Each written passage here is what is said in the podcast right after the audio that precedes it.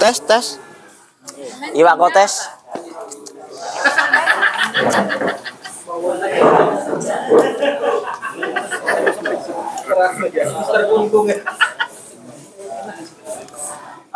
maksudnya terpepet itu tes. Bisa Mas Git? terus kan bang Oke, terima kasih. Assalamualaikum warahmatullahi wabarakatuh. Kembali lagi dengan Ipil Ipil Kawero edisi edisi piro? Edisi piro? Edisi piro? Edisi piro? 100 100 ya itulah 100 lebih lah pokoknya. Kita sudah berada di edisi 100 lebih. Nah. Nah. Tunggu, pokoknya harus. Jadi, Itu apa? Aku lali malian juga. Palah biasanya. Kali ini kita akan membahas tentang trauma yang dibahas oleh Sam Togo. Nah, karena banyak anggota baru nih, kita perkenalan dulu lah. ngerti yuyu. Wis wingi teko. Aku ya, oh, aku aja karo berarti yo.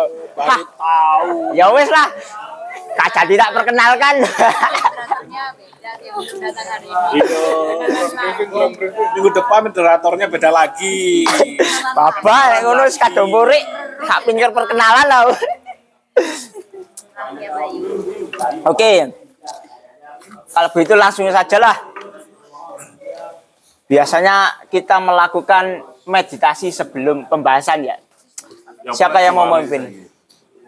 Oh, boleh. Mau dibalik? Oke. Sepakat ah.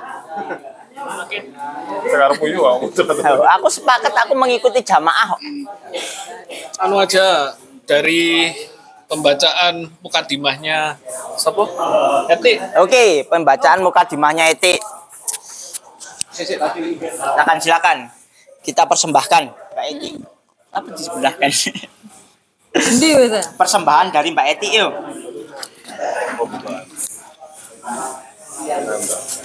Makasih kamu udah menanyakan ya. Mbak, nyangkut. Oke, ini ada sedikit prolog. Prolog ya, awal-awal itu ya? Iya. Tentang trauma. Trauma, wabah yang tak kasat mata. Trauma merubah seseorang secara fundamental. Mereka berubah secara biologis. Mereka berubah di level ekspresi genetika, hormon, kimia tubuh, dan neurotransmitter. Trauma merubah emosi kita. Emosi yang berubah itu nentuin keputusan kita. Dan perubahan ini berlangsung selamanya. Trauma ngebuat kita jadi mudah lupa, mudah melupakan diri kita sendiri dan juga orang lain. Trauma membuat kita buta pada penderitaan, dan termasuk kesehatan dan kebahagiaan kita juga. Trauma adalah jagal terganas. Dia nggak peduli apa yang kita rasain. Begal yang merampok hal yang paling berharga di kita. Virus yang ngebuat kita lupa segalanya tentang apa arti menjadi manusia. Trauma meracuni kasih sayang kita, merobek jaringan sosial, dan merubah kemanusiaan menjadi kisah masa lalu yang indah. Trauma ngotot ngeyakinin kita kalau ulas asih, komunitas, dan kemanusiaan itu hal yang utopis. Gak mungkin diwujudkan. Dia akan terus ngeyakinin kita kalau kesehatan, kebahagiaan, dan koneksi antar manusia yang sejati, yang tulus adalah fantasi belaka. Trauma mengolok-olok or- trauma mengolok-olok dorongan fundamental kita untuk belajar, mengekspresikan dan mendengarkan satu sama lain biar kita bisa hidup lebih baik. Dia melakukan itu semua dengan sembunyi-sembunyi, dengan mengkamuflasekan suaranya dan memakaikan topeng pada tujuannya yang sebenarnya. Semakin personal trauma yang dialami, penderitaannya akan semakin besar. Perjalanan mengenali trauma dan meregulasinya mungkin adalah sebuah perjalanan paling penting yang bisa kita lakukan. Sekian. Terima kasih atas prolognya Mbak Eti. Dah. Untuk selanjutnya langsung aja ya. Atau ada yang mau ngasih prolog double? Prolog double ya. Oke. Awak mau ayo cerita no traumamu. Kurang ajar. Kene sih sing trauma kontra mereka.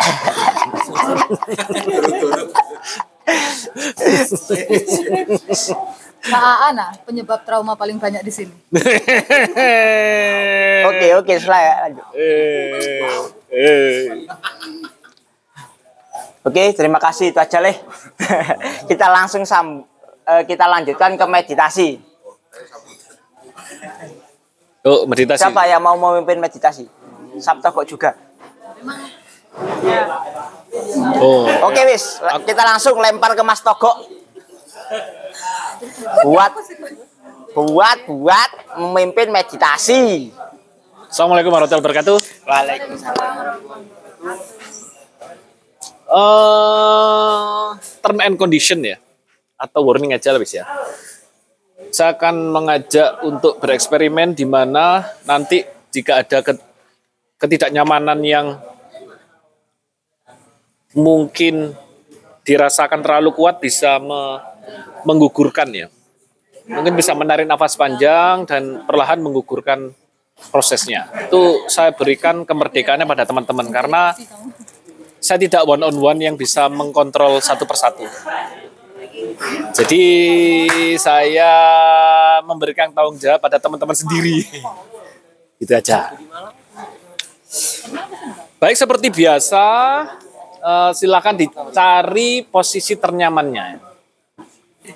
Posisi yang menurut saya posisi ternyaman itu adalah posisi yang rileks sekaligus posisi yang siaga. Jadi campuran kita siaga, kita siap, tapi pada satu kondisi kita itu bisa merasakan relaksasi.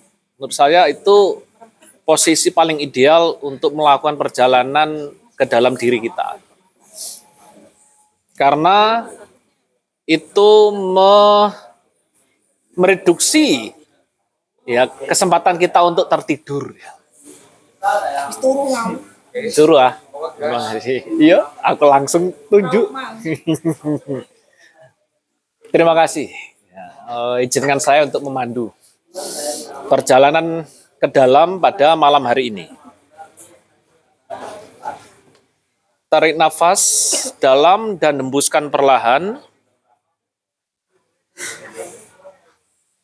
Relakan diri kita untuk meletakkan semua hal yang terjadi sebelum saat ini dan nanti setelah saat ini.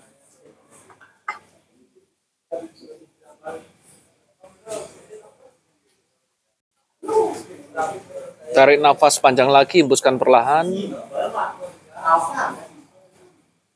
Kita niatkan kita, untuk merelaksasi seluruh tubuh kita ya. Tarik nafas lagi sekali dan hembuskan perlahan. Rasakan tubuh kita perlahan-lahan rileks.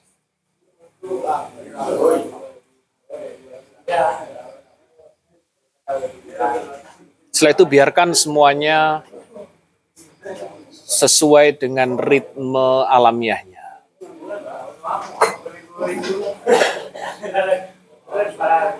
Tidak perlu ada yang dipaksakan, biarkan semuanya terjadi secara alamiah.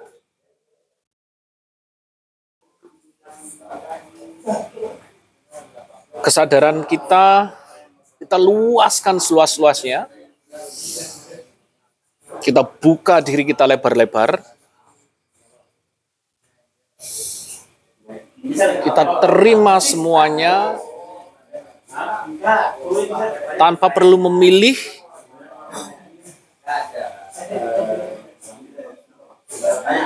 tanpa perlu menilainya.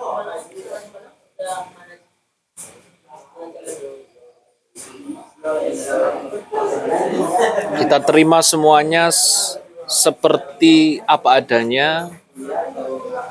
Dia menghadirkan diri di dalam ruang kesadaran kita.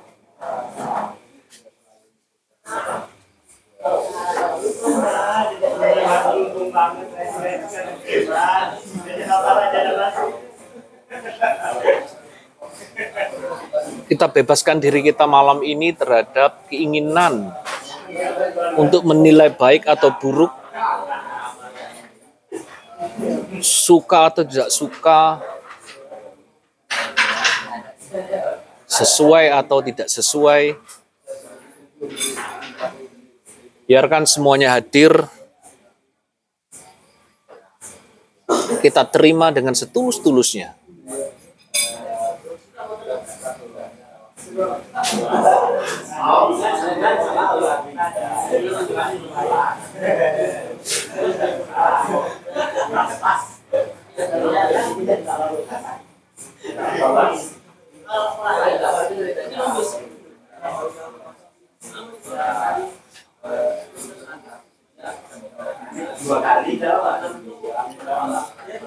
Suara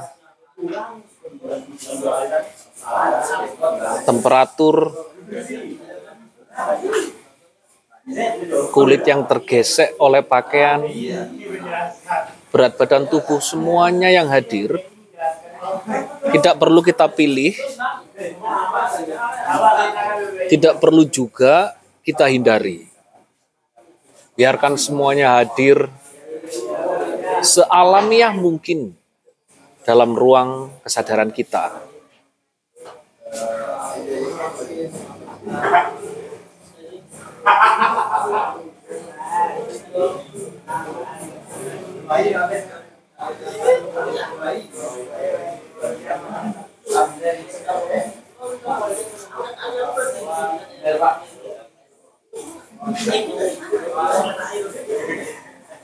Satu-satunya respon yang bisa kita berikan pada seluruh informasi itu, seluruh sensasi itu, seluruh pikiran yang melintas, perasaan yang muncul adalah kelembutan. Dengan lembut, kita terima apa adanya mereka yang muncul dalam ruang kesadaran kita. Kita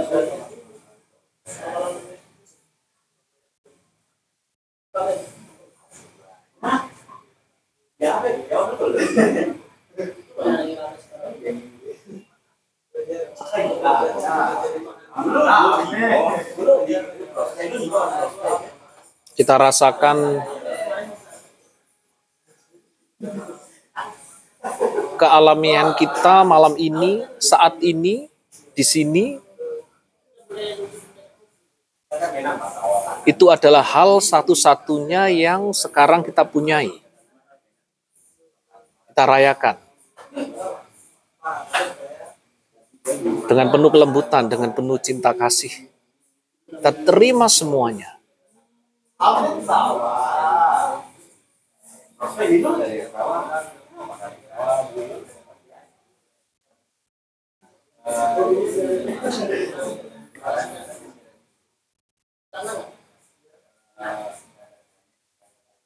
Dengan izin teman-teman,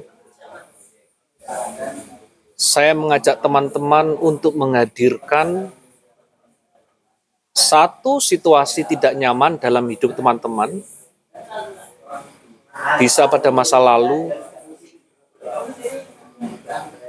remaja, atau saat teman-teman sekarang ini.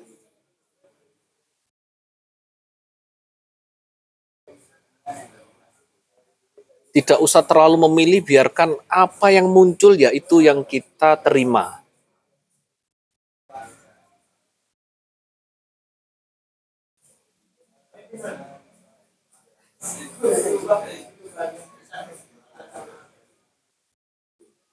Biarkan memori itu hadir. Biarkan memori itu mendatangi kita dengan reaksi apa yang kita rasakan sewaktu memori itu muncul untuk pertama kalinya.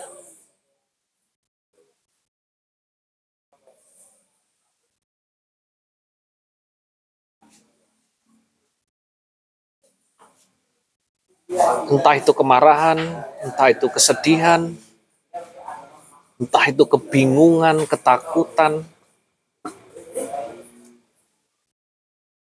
Biarkan sensasi-sensasi perasaan itu hadir bersama memori negatif yang kita pilih atau yang hadir dengan sendirinya.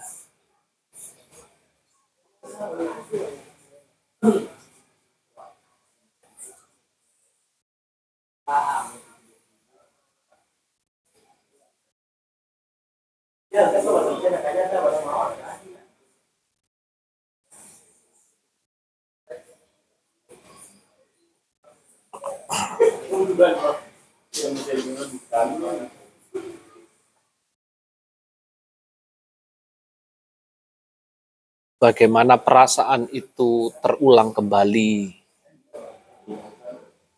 Bagaimana tubuh kita merespon kondisi batin pada saat itu.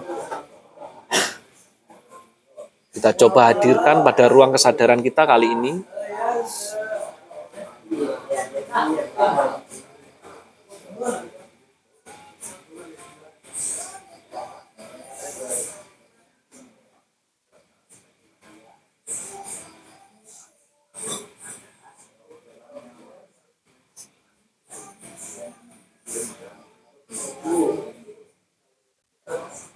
Kemudian layaknya seperti ibu, kita dekati memori itu dengan seluruh perasaan yang menyertainya, kita gendong dengan penuh kelembutan, kita dekap, kita berikan kehangatan yang setulus-tulusnya.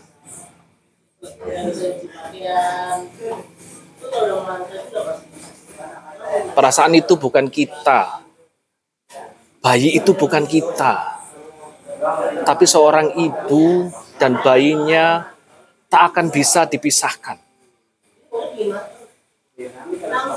Dia akan selalu terikat, mereka akan selalu mempunyai hubungan.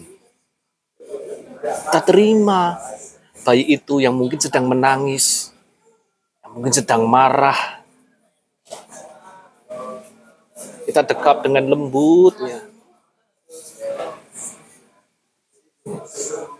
Kita berikan cinta setulus-tulusnya yang kita bisa. I love you. I love you, I love you. Aku menerimamu. Aku menerimamu dengan setulus-tulusnya.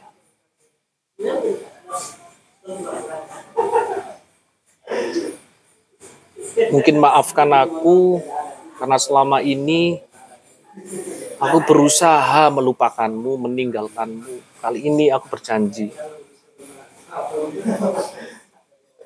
Kapan pun kamu mendatangiku akan ku dekap kamu dengan setulus-tulusnya. Dengan seluruh cinta yang aku bisa berikan. I love you, I love you, I love you. Aku menerimamu, aku menerimamu. Aku menerimamu.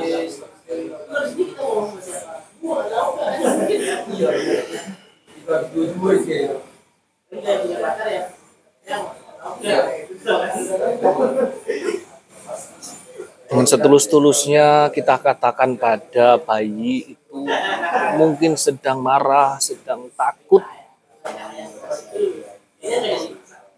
sedang sedih, atau mungkin sedang kesepian. Aku berjanji kapan pun kamu menginginkanku untuk mendatangimu, aku bersedia, aku bersedia, aku bersedia. Aku mencintaimu dengan setulus-tulusnya. Aku bersedia.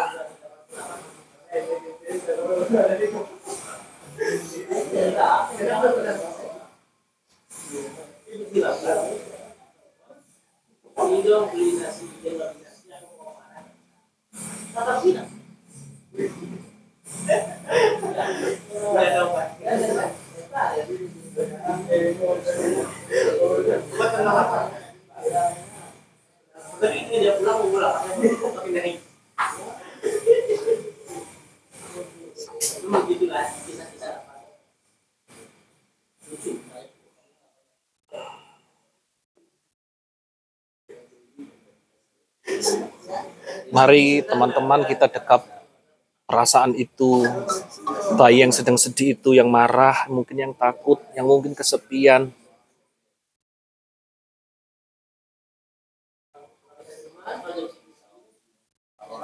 Kita berikan pelukan setulus-tulusnya, sehangat-hangatnya.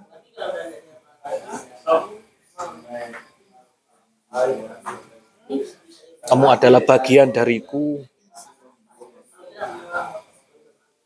dan aku tidak akan pernah melupakanmu.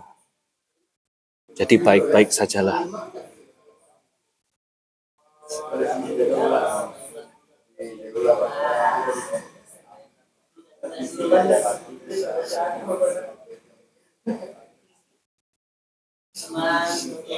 Semoga cintaku yang tulus ini bisa menyembuhkan kita berdua.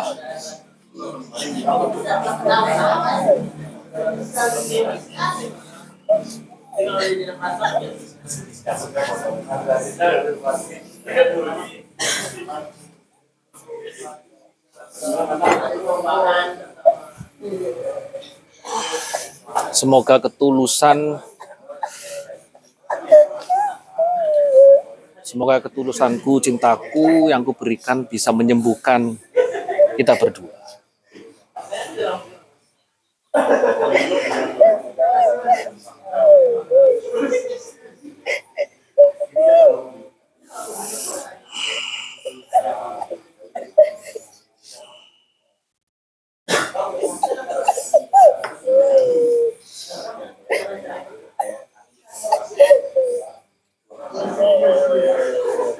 Sebelum kita selesaikan perjalanan kali ini, berikan salam setulus-tulusnya pada perasaan kita, pada bayi itu,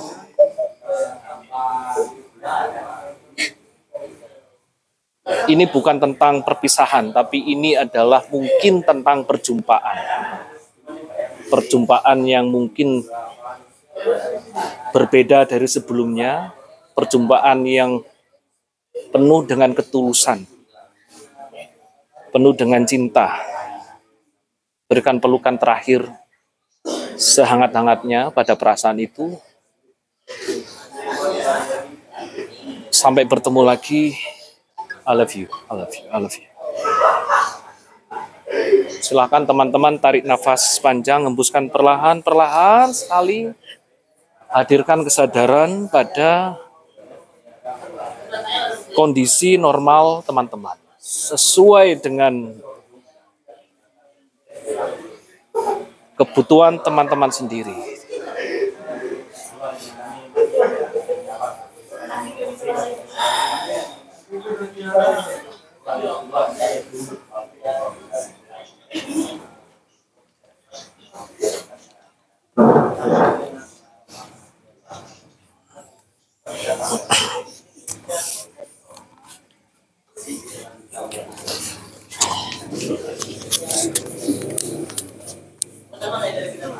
Terima kasih.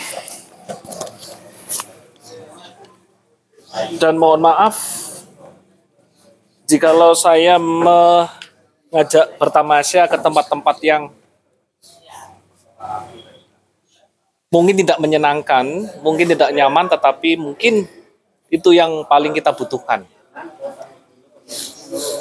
Mengunjungi tempat-tempat gelap yang berusaha kita tinggalkan, berusaha kita tidak hiraukan.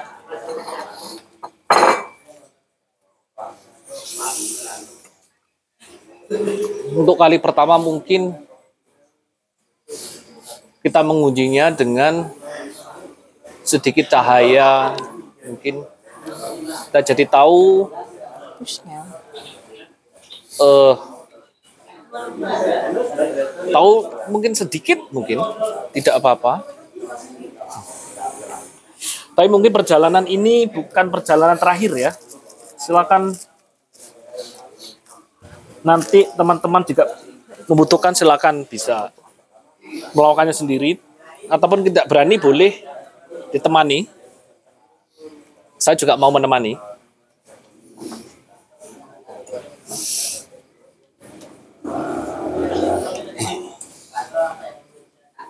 Sekali lagi terima kasih dan saya meminta maaf.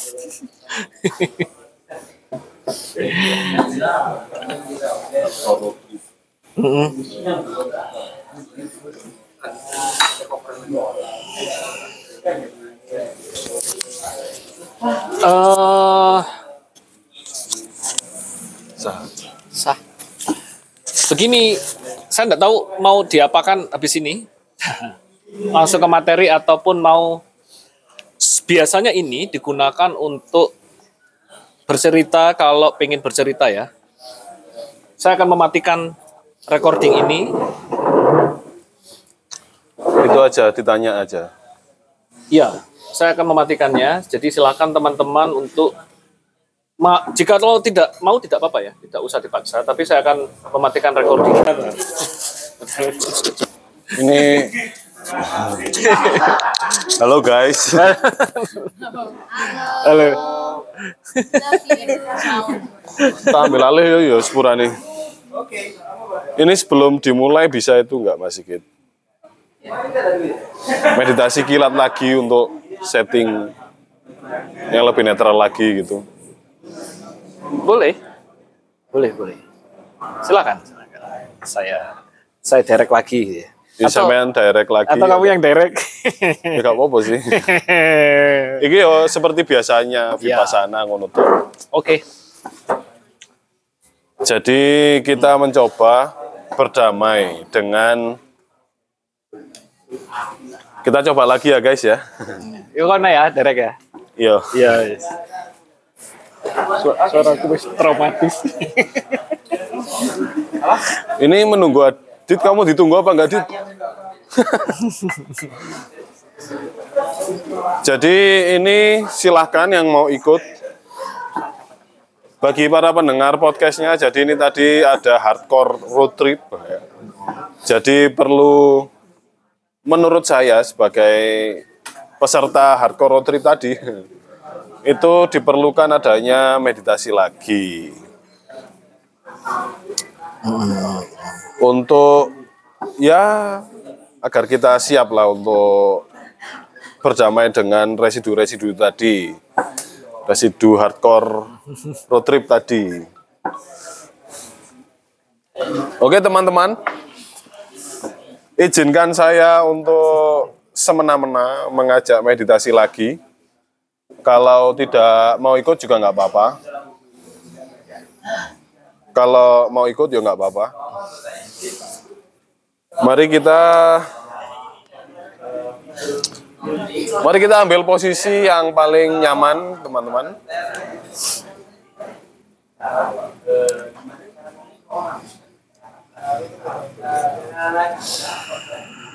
Lalu kita tarik nafas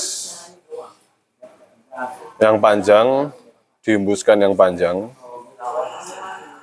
Kalau bisa sambil memejamkan mata.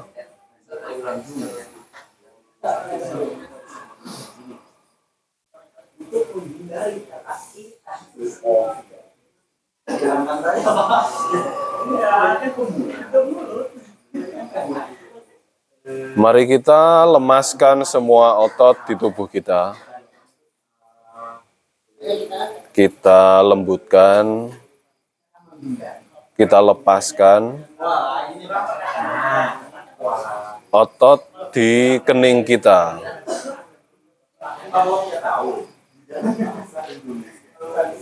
Lalu di alis kita.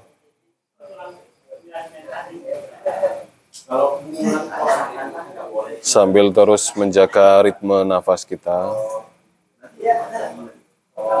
Setiap menghembuskan nafas, kita lemaskan otot-otot di tubuh kita. Otot di kelopak mata kita.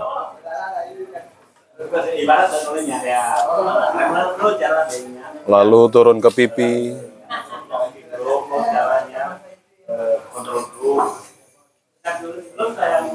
Turun ke rahang.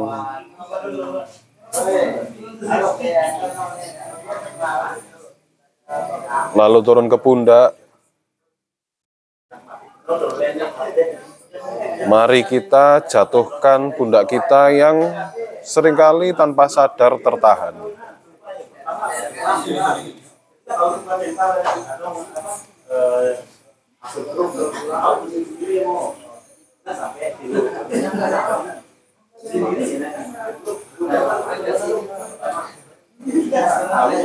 Lalu turun ke tangan-tangan kita. Dari lengan sampai jari tangan kita lemaskan.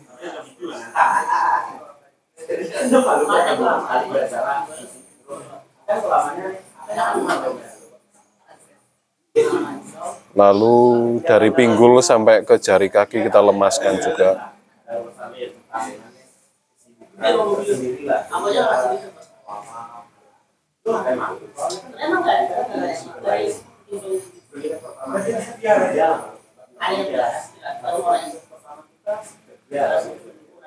Selanjutnya mari kita amati pergerakan tubuh kita yang dihasilkan oleh sirkulasi nafas kita.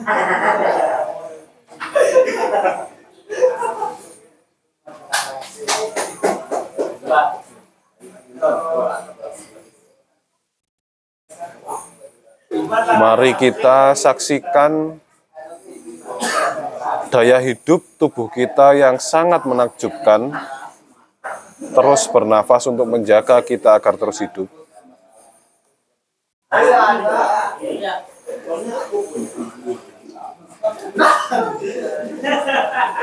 Di mana ia menarik udara dan mengeluarkannya.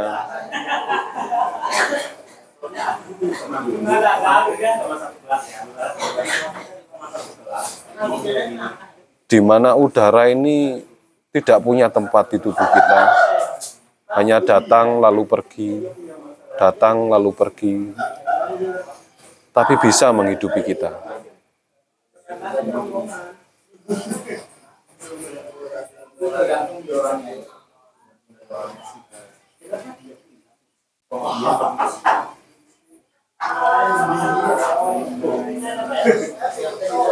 Dan tanpa sirkulasi ini beberapa menit saja mungkin kehidupan kita sudah selesai. Mari kita nikmati, kita saksikan daya hidup yang begitu menakjubkan yang kita miliki. Kita nikmati dan saksikan secara sejenak. dengan tidak begitu terikat terhadap masa lalu dan tidak khawatir terhadap masa depan dengan cara menyaksikan nafas seseksama mungkin. Mari kita nikmati sejenak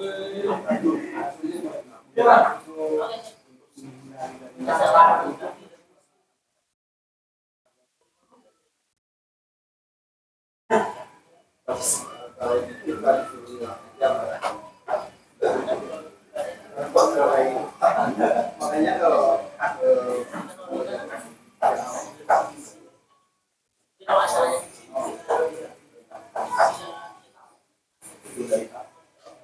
Wah, Kayaknya aku juga waktu.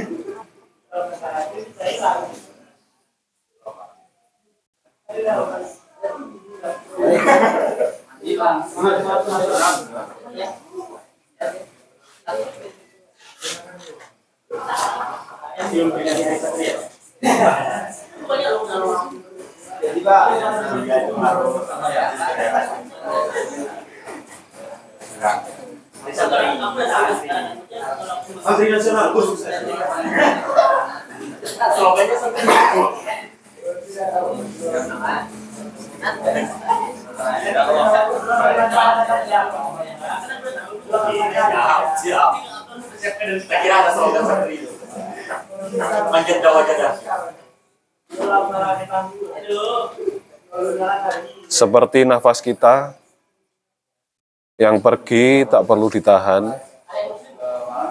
yang tinggal kita hargai, yang mau datang kita sambut dengan ramah, dan yang belum datang tak perlu diharap-harapkan, karena akan datang pada waktunya. Terima kasih. Silahkan diakhiri sesi ini dengan ritmenya masing-masing.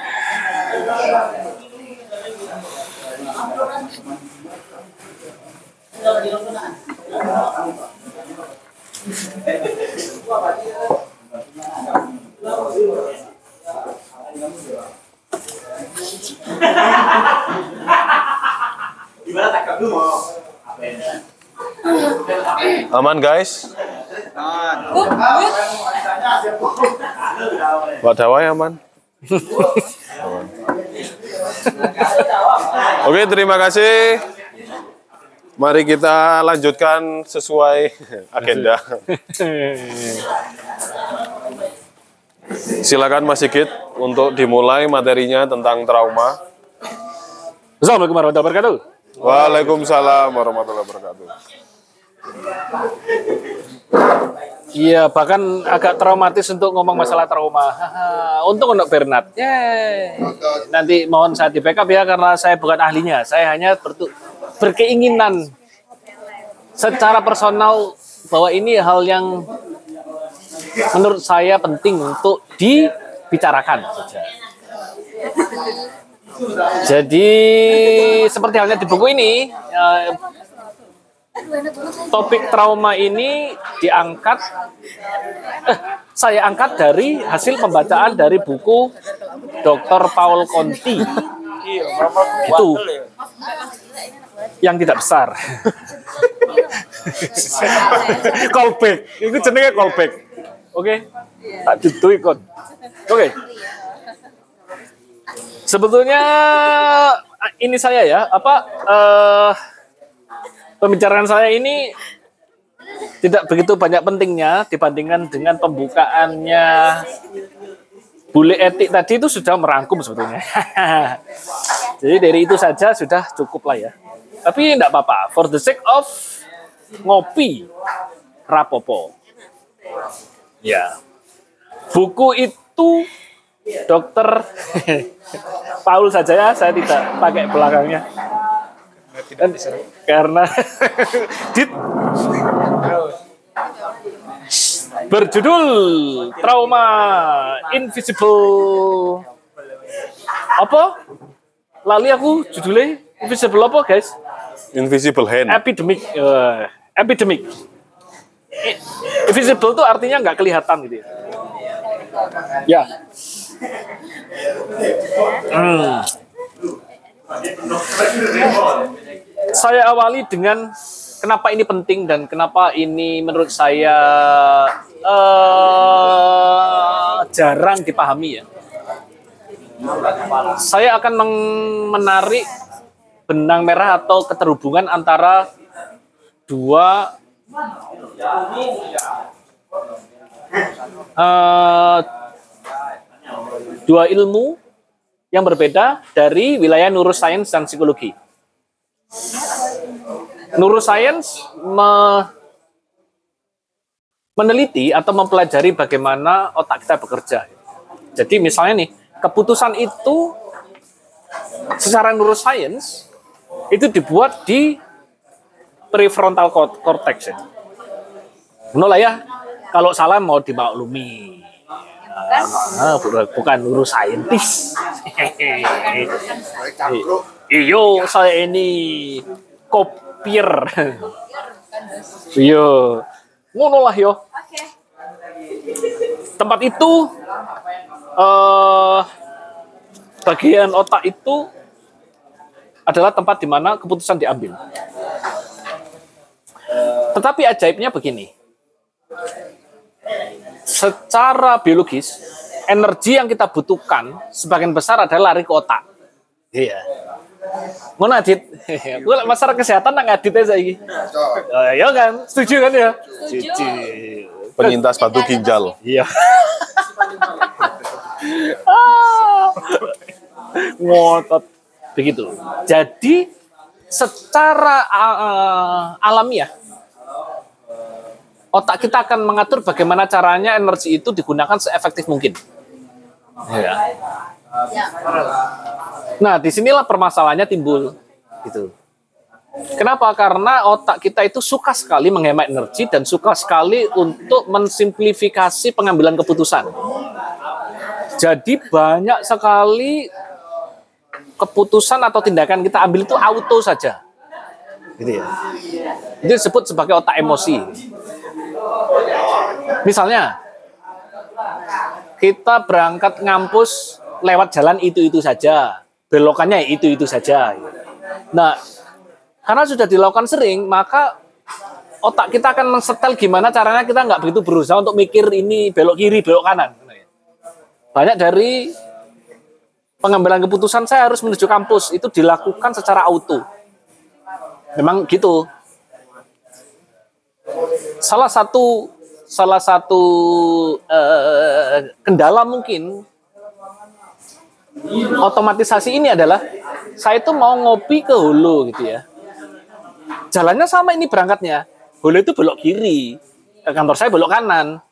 Tapi karena saya tidak menyetel kesadaran saya di penghujung pertigaan, maka otak emosi saya akan menyuruh saya belok kanan. Saya tahu-tahu di tengah jalan di Unika baru oh, saya mau ke hulu balik.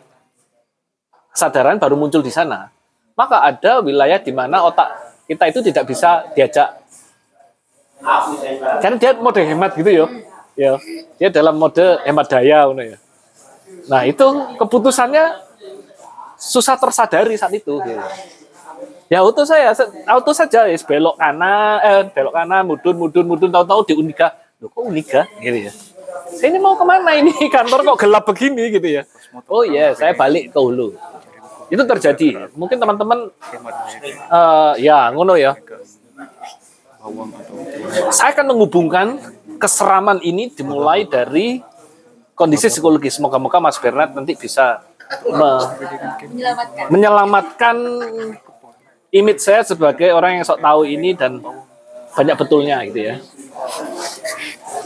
Kalau nggak selamat ya nggak apa-apa.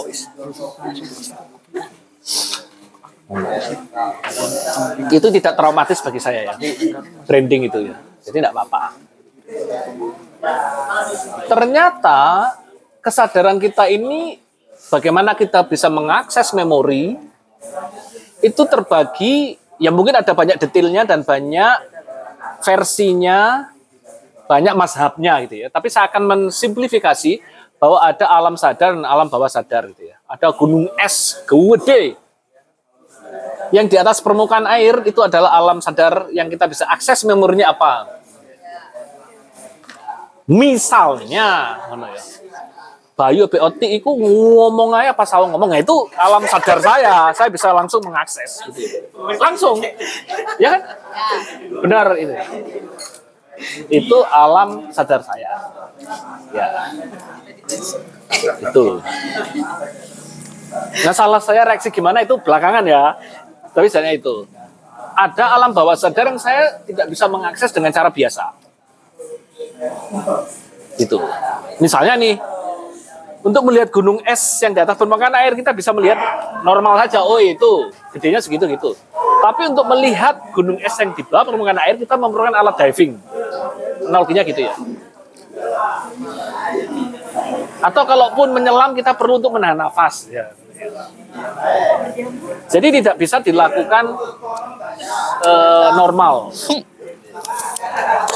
Kenapa? Karena banyak dari informasi bawah sadar yang memang sengaja didesain untuk hemat energi, bisa gitu ya. Atau untuk survival. Atau untuk bola ya, nat ngon ayo. Melengkapi ya. Aku dipisui gak traumatis. Oh gitu ya, kan misu trauma gitu aku ya. Nah, kalau kita melihat dari dari proporsinya, alam sadar kita itu 10, bawah sadar 90. Jadi yang tersembunyi itu 9 kali lebih banyak daripada yang kita bisa akses. Padahal dari neuroscience, gitu ya, banyak sekali keputusan kita lakukan menggunakan versi auto. Maka sebetulnya kita banyak sekali pengambilan keputusan berdasarkan yang sesuatu yang tidak kita yo bener Rofi, tidak kita sadari. Misalnya kenapa kok saya suka anak ini? Nah itu munculnya itu madep gitu ya dari bawah sadar. Tetapi kenapa alasannya apa? Itu alasan yang dicari kemudian. Kita reka-reka alasannya. Bahkan alasan sejatinya apa itu kita tidak bisa mengakses. Oh no. Mbok terakhir ternyata ambune ngono ya. Karo lah ya kan. Ambune ini. Ambune itu baunya. Ngono ya. Misalnya. Kenapa saya suka sekali dengan wanita dengan bau minyak telon ya gitu ya. Itu misterius ya. Saya nggak tahu sampai sekarang itu belum tahu ya. Kalau itu belum tahu. Kamu ya? Iya, seperti istri saya ya kan. Lek koyo tidak mungkin ya. Minyak telon. Saya belum meneliti di alam bawah sadar saya ya. Kenapa harus minyak telon gitu. Itu.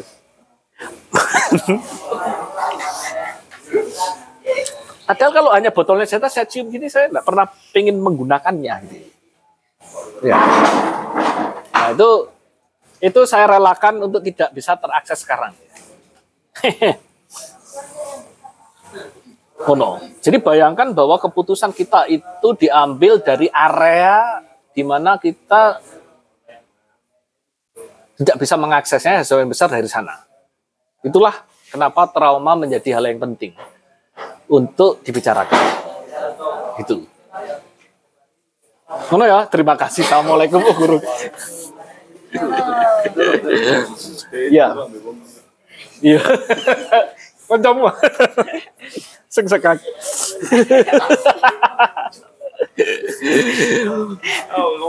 Jadi eh, di dalam buku ini, Dr. Paul, saya tidak mau menyebut belakangnya ya.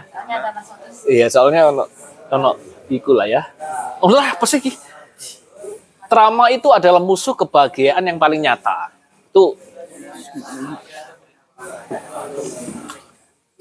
eh itu secara tegas dinyatakan oleh sang penulis. Bagaimana dia itu bekerja? Itu bahkan kita tidak bisa mengaksesnya. Yang lebih brengsek lagi, gitu ya. Trauma ini Brengseknya kalau ya gue lah. aku nodengin nang di. Iya, iya. Trauma itu suka mengadu domba, gue lah. Cara mengadu domba trauma itu begini, gitu ya. Dia bahkan bisa merekayasa memori. Gitu ya. Jadi dia membuat seolah-olah trauma itu berdasarkan B. Oh ini loh traumatismu. Kita dipaksa untuk percaya bahwa kejadian B ini yang membuat traumatis. Padahal aslinya kejadiannya itu A. Kenapa? Karena biar dia selalu bisa tersembunyi dan selalu bisa membuat keputusan berdasarkan ini. Nah, Itu sebegitu canggihnya trauma itu bekerja dan tidak mau dikenali. Ngono. Terima kasih salam. Misalnya, contohnya pada ada analoginya eh, ada bakteri toxoplasma yang di apa yang di tikus gitu ya. Jadi bakteri ini akan merekayasa hormonal tikus ini sehingga dia itu bisa melihat kucing bukan sebagai pengancam, ngono. Bayangkan eh, betapa selfishnya trauma. Tidak selfish jin saja ya. Jadi trauma itu juga selfish. Kita bahas selfish jin kapan nih? Wah, seru ya. Aan. Oh, ngono. Aan ae wis. Ya an yo. Servicing. selfishin ya. Karena trauma itu juga seperti itu gitu ya. Eh, cara bekerjanya. Jadi bakteri ini membuat si tikus ini ti- tidak merasa kucing ini sebagai pengancamnya. Kenapa? Biar dia segera dimakan, biar bakteri ini segera me- me- me- menyebar pada kucing dan nanti pada manusia. Jadi bagaimana ca- dia sudah merancang bagaimana dia bisa menyebar ke mana-mana. Jadi trauma itu kenapa tadi di etik yang sedang diajak bicara sama Bayu dan tidak tahu mau mengaj- mau menjawabnya atau tidak itu eh ada kata-kata wabah ya. Karena trauma ini berusaha untuk menyebar sehingga nantinya bisa menjangkiti tidak hanya orang yang menderita trauma, tetapi orang di sekitarnya dan masyarakat pada umumnya. Bahkan generasi di bawahnya yang dinamakan sebagai Puan, Intergenerational. intergenerational trauma. Terima kasih. Itu bakteri. Nah, itu analoginya seperti bakteri. Jadi dia punya drive untuk menyebar sebanyak-banyaknya tanpa kelihatan. Ngono. Seperti halnya bakteri tadi, trauma ini akan membuat kita tidak takut pada kematian. Maka orang yang menderita trauma, dia cenderung untuk berani menghadapi kematian dan menyempelekan hidup. Ngono. Hah?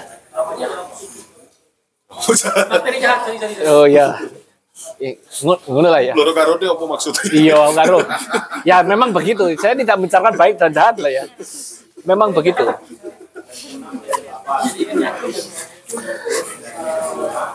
Mungkin nanti akan lebih didetilkan oleh Mas Bernard. Wah, kok kamu catat bingung kan, kok.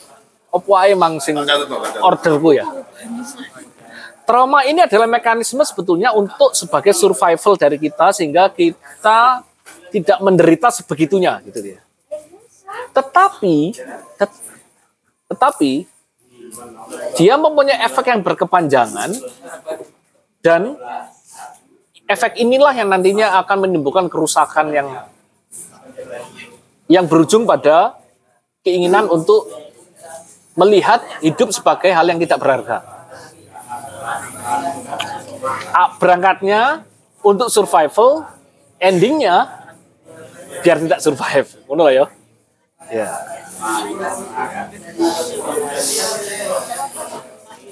Dia akan membuat kita tidak sadar apa yang kita lakukan. Dia akan menutupi bahkan di level biologis ya. Jadi kan di level memori. ya. Oh bukan ini traumamu. Oh gini. Oh kamu melakukan ini ya, karena kamu trauma ini, padahal yang ini. Nah, nah. begitu. Jadi dia akan me- memfabrikasi bahkan di level biologis. Tadi ada di level eh, bahkan neurotransmitter ya. Bagaimana otak kita bekerja itu bisa dimanipulasi oleh trauma. Gitu. Jadi koyo MLM kayak kayak ML kayak ML akeh wong ya gak wani banter-banter. PMLM. Dia akan mencari downline-downline yang banyak.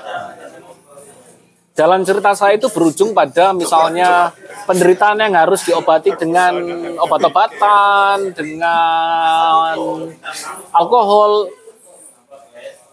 Sebetulnya core core triggernya ya trauma ini gitu. Tapi ini membuat menderita, menderita, menderita. Ini di, berusaha di dianulir kita melakukan eskapisme oke kan kok ayo ya nanti aja Akhirnya iya PR wakai grup ini ya apa penderitaan yang ber bercabang-cabang itu menjadi susah untuk dicari mana root cause-nya. Apalagi root cause-nya eh, berusaha untuk delik apa delik Bers- bersembunyi. Ngono.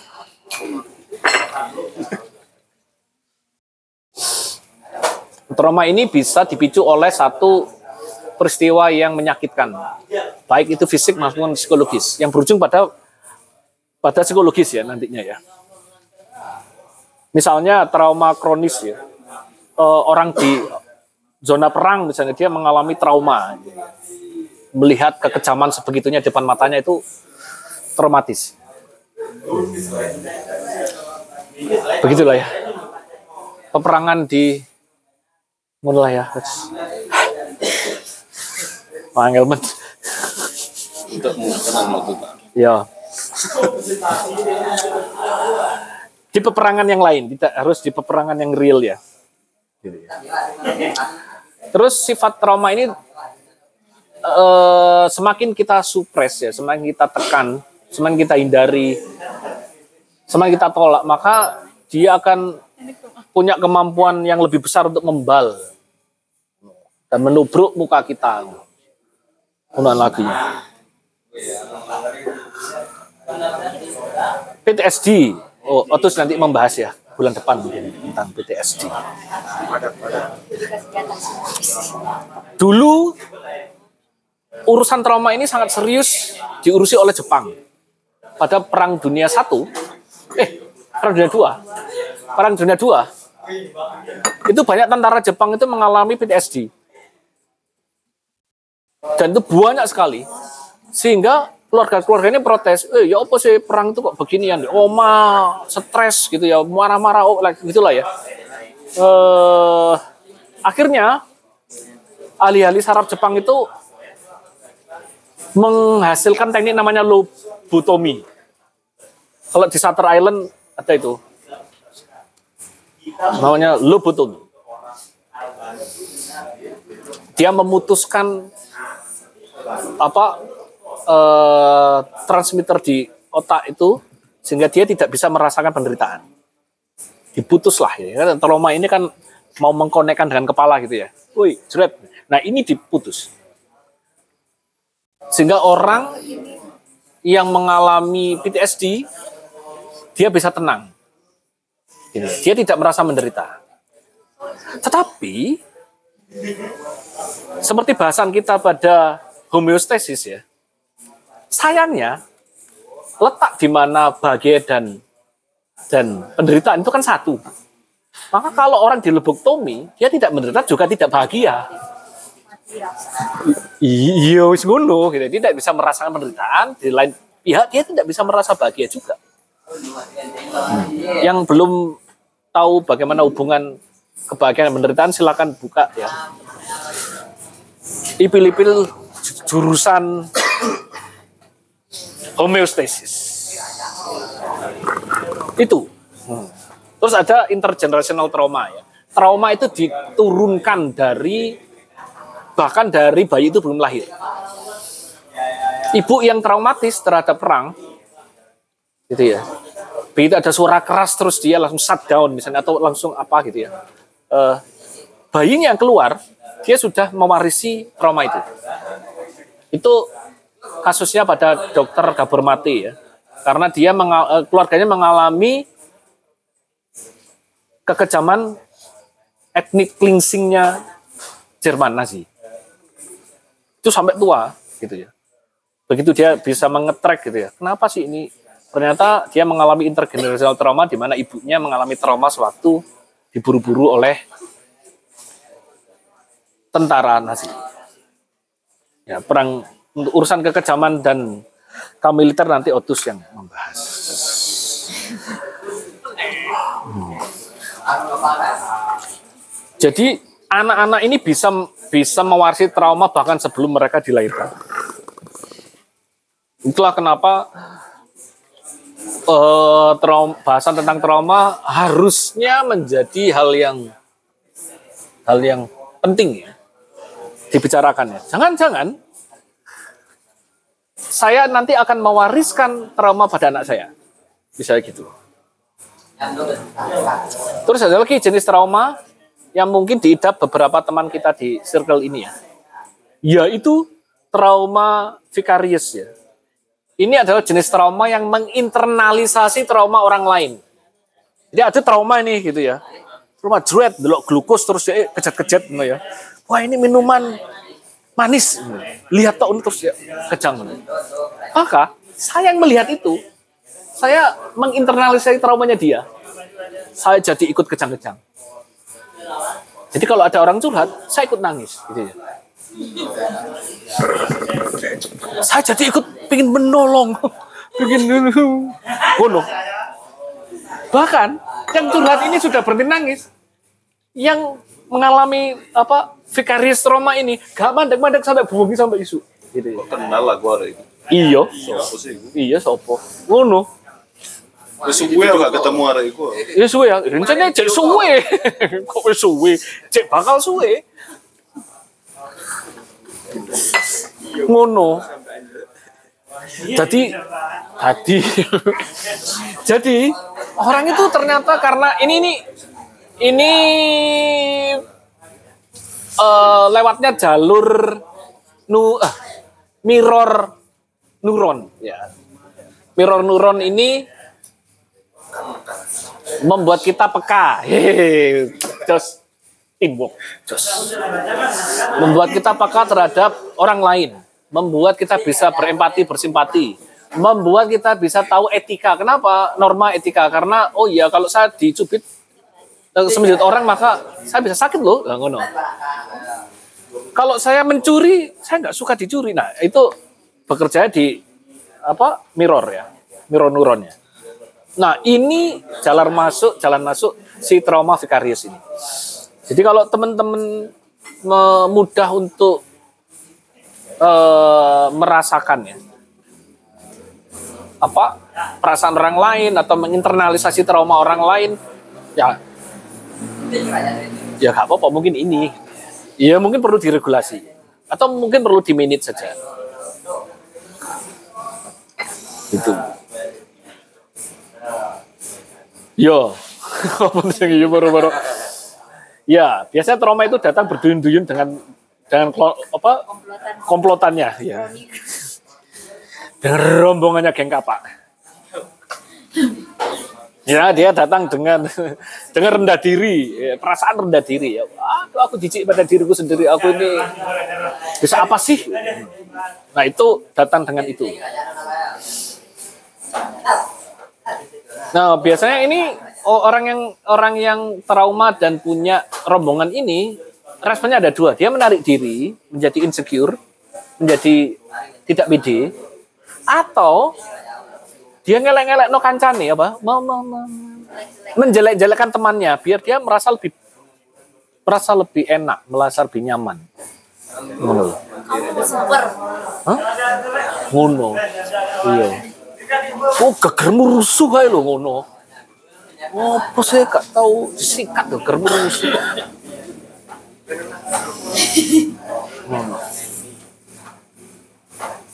Karena dia pengen merasa menjadi seseorang yang lebih baik, lebih nyaman gitu ya.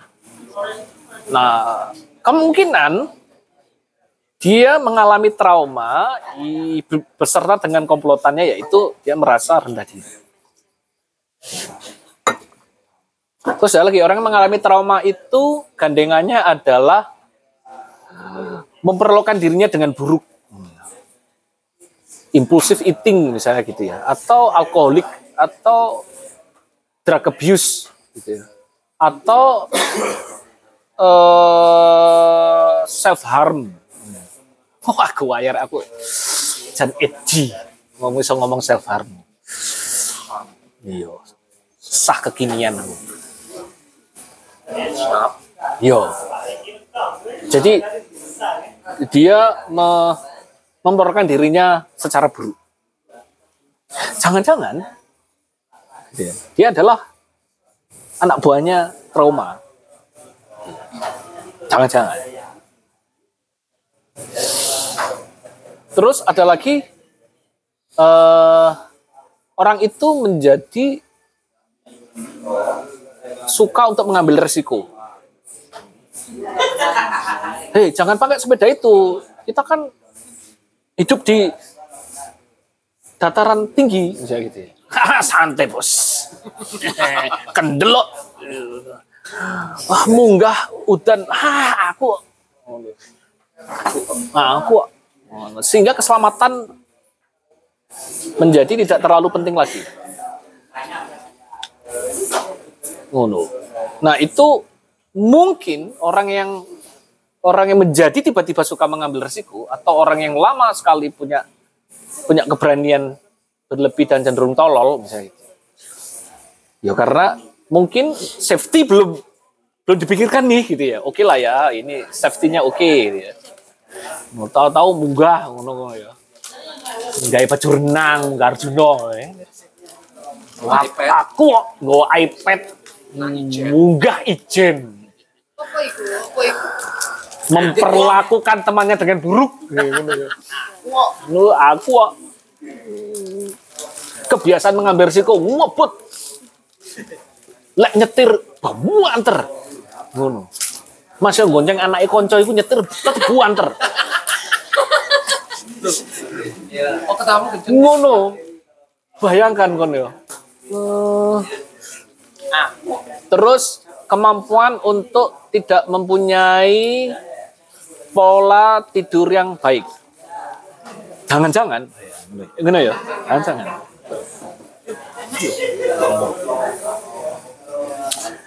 Ya mungkin teman-teman bisa bisa melakukan ini Aan tadi itu cara yang dilakukan Aan tadi meditasi tadi itu namanya mungkin secara tradisi disebut vipassana, tetapi dari modern itu dinamakan relaksasi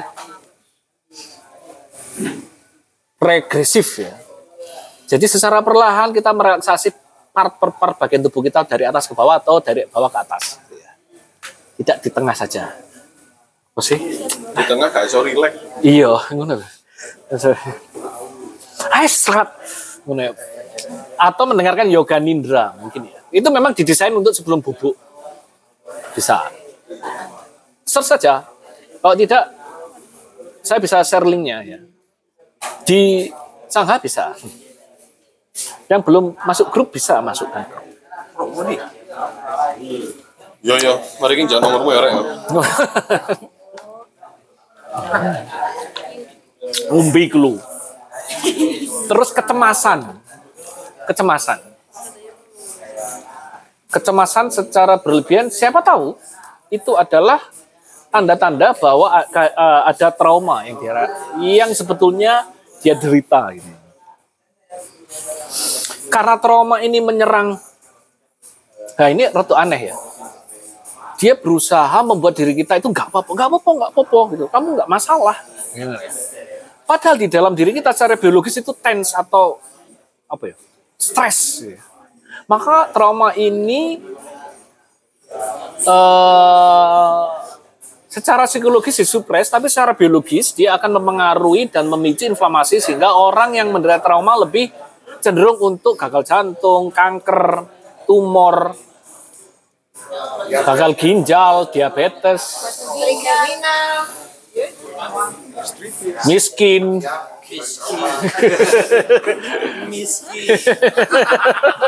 Ora.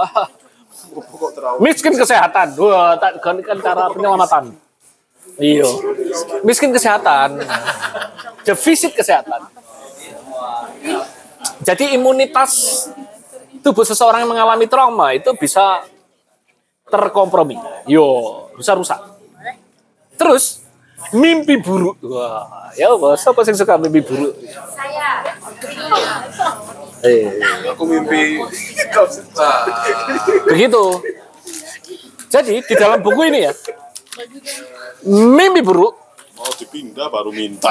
Kan tadi ada di sini nih. Ya, ya. Cucur adabi yang nikmat. Cucur adabi kesukaan kami Enak dimakan sepanjang hari Deng deng deng Traumatis sekali. Lanjut. Jadi orang yang sering bermimpi buruk Dan sering merasakan memori flashback Jangan-jangan dia sedang menderita trauma Ngono. Itu ciri-cirinya ya caranya adalah eh sering kali orang eh, sering kali secara alamiah kita tubuh kita dan psikologi kita itu menyembunyikan trauma ya. Bagaimana caranya lah biar dia nggak biar dia itu nggak kelihatan gitu ya. Makanya em, punya pengetahuan terhadap bagaimana trauma bekerja. Terus mungkin metode apa yang bisa dilakukan untuk mengakses?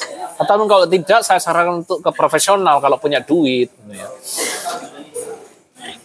syukur-syukur ada yang mau membantu teman yang mungkin punya pengetahuan. Ya silakan. Caranya apa saja ya? Atau ikut komunitas yang peduli pada urusan mental mental gitu ya misalnya. Kayak sangha misalnya gitu. Yang dulu Ovi suka promosi tapi sekarang sudah kurang berkurang. Tapi kamu? Tentang promosi.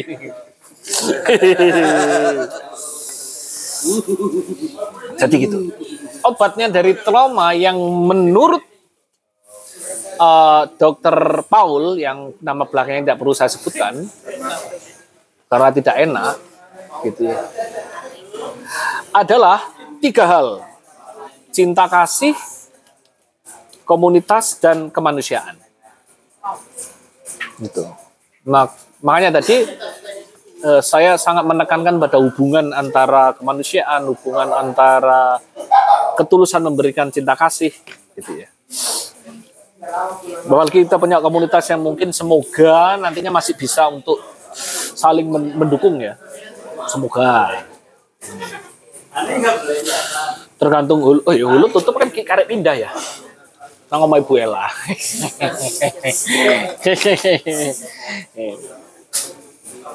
Nang omahku yo kene jadi ada tiga hal yang tiga hal tadi bisa nyembuhin trauma ya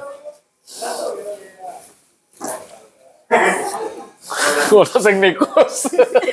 Iku bagus untuk lutut yang cedera. Cari ini. Dari Bu Ella, Mang. mau sih Jadi kita coba eh, mungkin eh, alangkah oke-nya kalau kita bisa menemukan tiga hal tadi berada dalam satu wadah gitu ya. Komunitas yang bisa saling mengasihi, saling mendukung, tidak menghakimi semoga ya. Ataupun kalau menghakimi ya itu mungkin bukan karena dorongan traumatis ya biar temannya terlihat lebih rendah daripada kita ya semoga ya.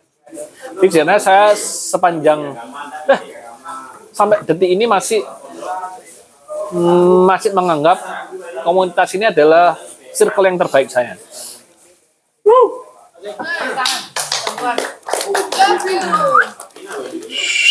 Jadi komunitas yang gak mengat, tinggal turun ini. iya.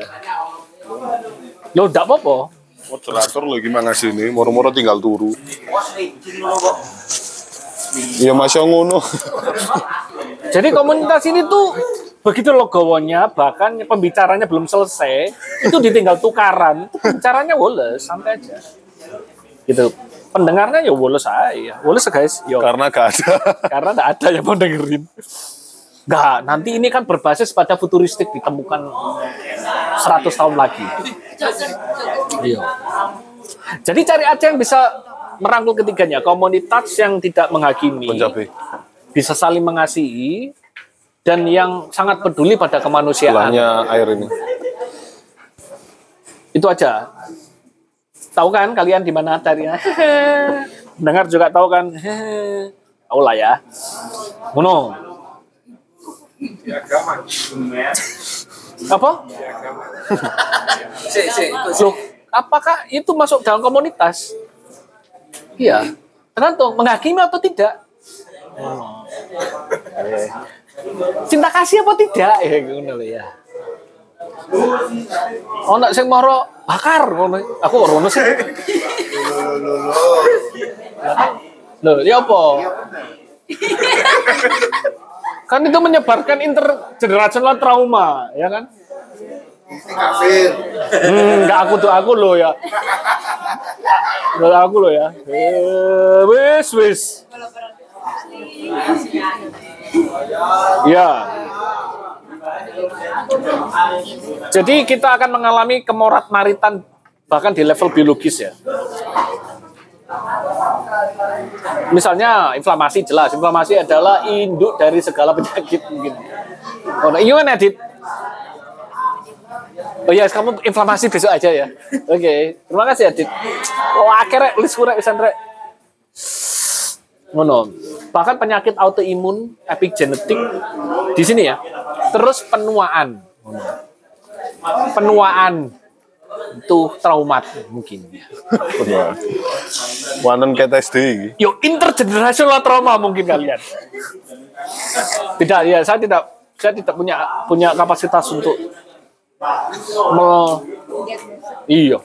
Tapi bener mbah-mbahku yang ngono kayak SD. Wanen. Temanku ada juga dua Intergenerational trauma berarti kita. Jadi bagaimana mengatasi trauma? Cara yang paling yang paling eh, yang saya sarankan adalah berkonsul- berkonsultasi pada yang profesional gitu aja. Kalau punya uang, BPJS itu nyambung nggak? nyambung di beberapa puskesmas di kota-kota besar. Kita kota besar atau kita kecil nih? Setahu di Malang ada. Iya. Puskesmas. Oh, ngono rek sendiri BPJS. Berangkat tol. Ngono. Hah? Hah? Iya. Oh, oh, pada profesional. Ngono. Tapi buku ini juga dimaksudkan agar pembacanya punya ilmu pengetahuan, bukan self diagnose ya, tetapi mengenali tanda-tandanya. Tanda-tandanya bunga asmara.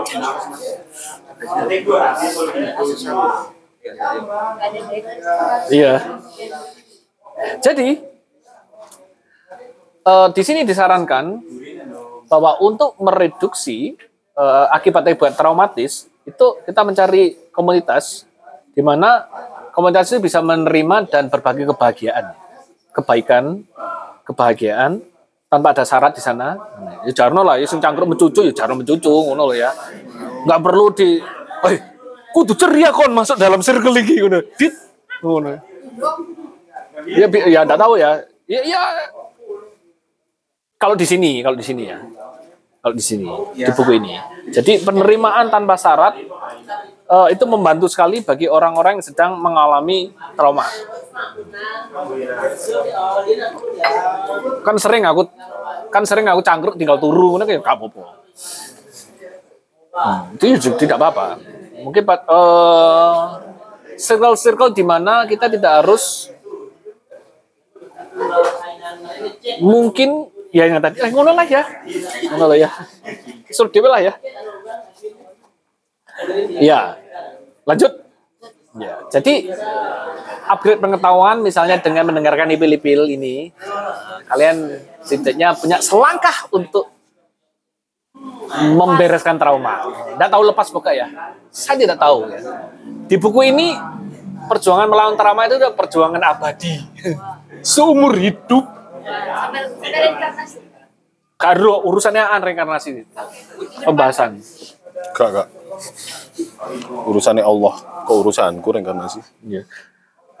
terus meng- menguatkan atau meningkatkan kesadaran kita akannya jadi praktek-praktek untuk untuk menguatkan kesadaran misalnya meditasi itu punya efek yang lumayan oke. Di sini disarankan gede banget bahkan di banyak banyak partnya gitu ya.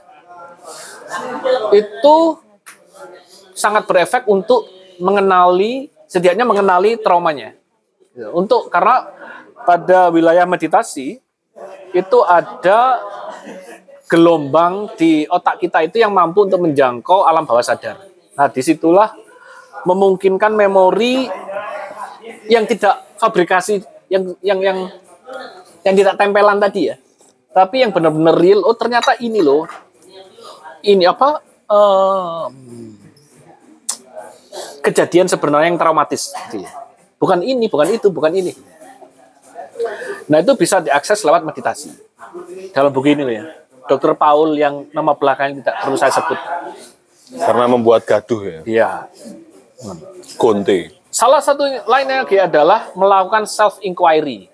Apa itu? Aan nanti yang jelasin. Kita langsung coba aja nanti. Self inquiry. Suwe. Iya, ngono ya. Itu self inquiry. Ngono lah ya wis. Eh Jadi diharapkan nanti eh karena itu sangat sub, subtle ya, sangat halus gitu ya. Maka disarankan oleh buku ini setiap orang itu perlu untuk memahami dirinya lebih baik. Karena siapa tahu kita bahkan sendiri itu begitu tertipunya kita itu menyadari kita baik-baik saja. Oh no. Karena trauma ini begitu begitu canggihnya untuk merekayasa bahkan di emosi kita bahwa kita itu tidak ada masalah.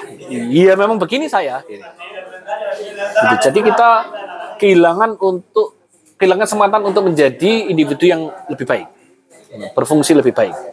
Begitu. Terima kasih. Wassalamualaikum warahmatullahi wabarakatuh. Waalaikumsalam warahmatullahi wabarakatuh.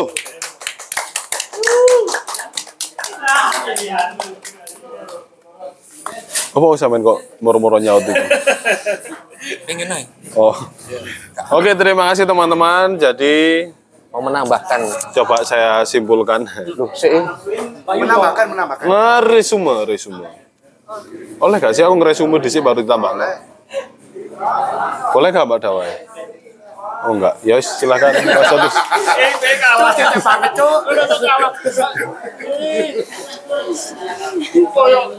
Silakan Mas Otus ditambahkan. Oh ya, saya mau menambahkan sedikit tentang PTSD tadi ya. Sepengetahuan saya, PTSD kan post traumatic syndrome disorder. Ya, itu pertama kali ditemukan ketika pasca Perang Dunia I yaitu 1914 sampai 18.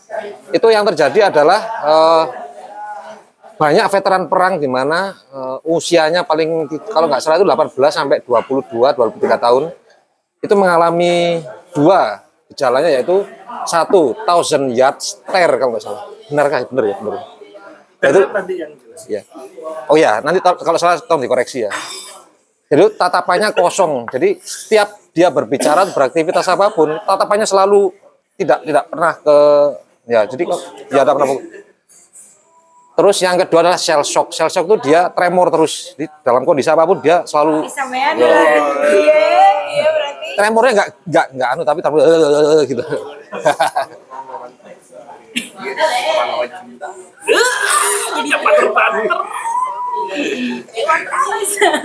Ya terus terus. terus. Oke, Maafkan teman-teman. eh, sebenarnya di, di era 19 eh, pasca perang dunia I sampai yang paling besar itu di pasca perang Vietnam 1960-an. Karena setelah diteliti yang menyebabkan itu adalah medan pertempuran itu juga berpengaruh ke PTSD tadi. Yang pernah di dunia satu itu medan pertempurannya kan parit-parit ya. Jadi antar parit itu biasanya dihujani artileri gitu. Jadi eh, para prajurit di parit ini nggak bisa ngapa-ngapain sebelum artilerinya selesai. Terus yang kedua di perang Vietnam itu kalau nggak salah mereka eh, yang paling banyak menderita ini yang dari pihak Amerika kalau nggak salah. Karena mereka kaget ketika sebelumnya nggak pernah nih untuk bertempur di daerah hutan, hutan tropis yang lebat sekali. Dan mau nggak mau mereka harus ya harus terjun ke sana. Ya yang dua kasus tadi itu banyak muncul di dua pasca perang tadi itu.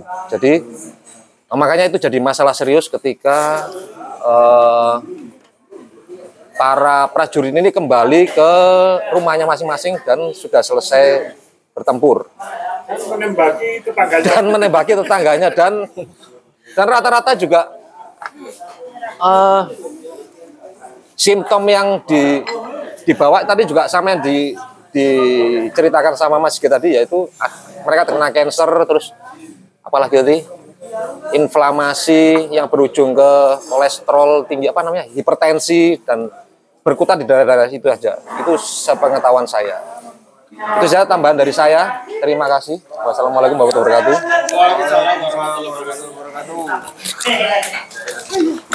Oke. Teman-teman, Apakah ada yang mau bertanya dan berkomentar sebelum saya tunjuk satu-satu? Terus apa gunanya? Ada yang mau? Katanya kamu ngeresum gak jadi. Hah? Katanya kamu ngeresum. Oh iya, saya tak ngeresum tapi Gampang teralihkan terus saya boleh ngeresum nggak Mbak Dawai? Oh boleh. Tadi nggak boleh, sekarang boleh. Ya wis. Jadi trauma ini merupakan epidemik yang tidak terlihat, bahkan lebih tua daripada COVID ya. Kalau COVID kan langsung, wah semuanya heboh. Tapi trauma itu sebenarnya sudah terjadi sangat lama. Nggak pernah diurusi. Dan itu berpotensi trauma yang diwariskan. Nah, di trauma itu menghasilkan di diri kita sebagai istilahnya itu penuntun hidup kita gitu lah. Kalau nggak dikunjungi, kayak kita itu tuntun trauma untuk ke mana-mana. Karena trauma mungkin bisa terjadi saat kita kecil. Ketika kecil kita tidak berdaya. Otomatis bagi orang yang tidak berdaya, caranya adalah membuat kenyataan baru di imajinasinya untuk menyembunyikan rasa lukanya itu. Karena kalau langsung head to head dengan lukanya, itu akan unbearable atau tidak bisa ditanggung untuk anak kecil itu bisa langsung gila. Gitu. Tapi kita membuat yang namanya coping mechanism, terus akhirnya defense mechanism yang tadi disebutkan sebagai obat bius tadi ya. Kita mencari obat bius di banyak-banyak kegiatan, akhirnya sampai lupa nih trauma ini padahal itu yang mengendalikan diri kita. Jadi kita bagaikan apa lagu ini masih gitu People are zombie with mind and will are lady dead. Jadi manusia itu bagaikan terjemahan. Jadi manusia itu bagaikan jadi yang nggak tahu masih gitu ini vokalis band metal ya sebenarnya. Dan lagunya itu ada yang liriknya kayak itu tadi. People are zombie with mind and we are already dead. Manusia itu bagaikan zombie dengan dengan pikiran, tapi sebenarnya kita semua sudah mati. Itu kalau tidak mengunjungi traumanya, tidak mengidentifikasinya, tidak meregulasinya, sehingga kehilangan otentisitas diri, lalu hidupnya dituntun oleh trauma itu. Jadi tadi meskipun menyiksa sekali, meditasi di awal itu mungkin perlu memang untuk dilakukan oleh setiap manusia di dunia ini. Bukan begitu Mbak Dawai? Oke, terima kasih. Sudah di-stempel oleh Mbak Dawai berarti resume saya sah. Oke, teman-teman, apakah ada yang mau berkomentar?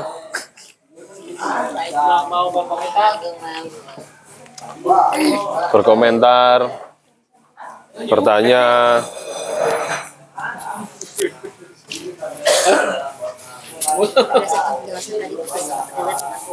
Itu saja, saya itu. Semua dan detail-detailnya tahu. Saya aja yang tanya kalau gitu Mas Sigit.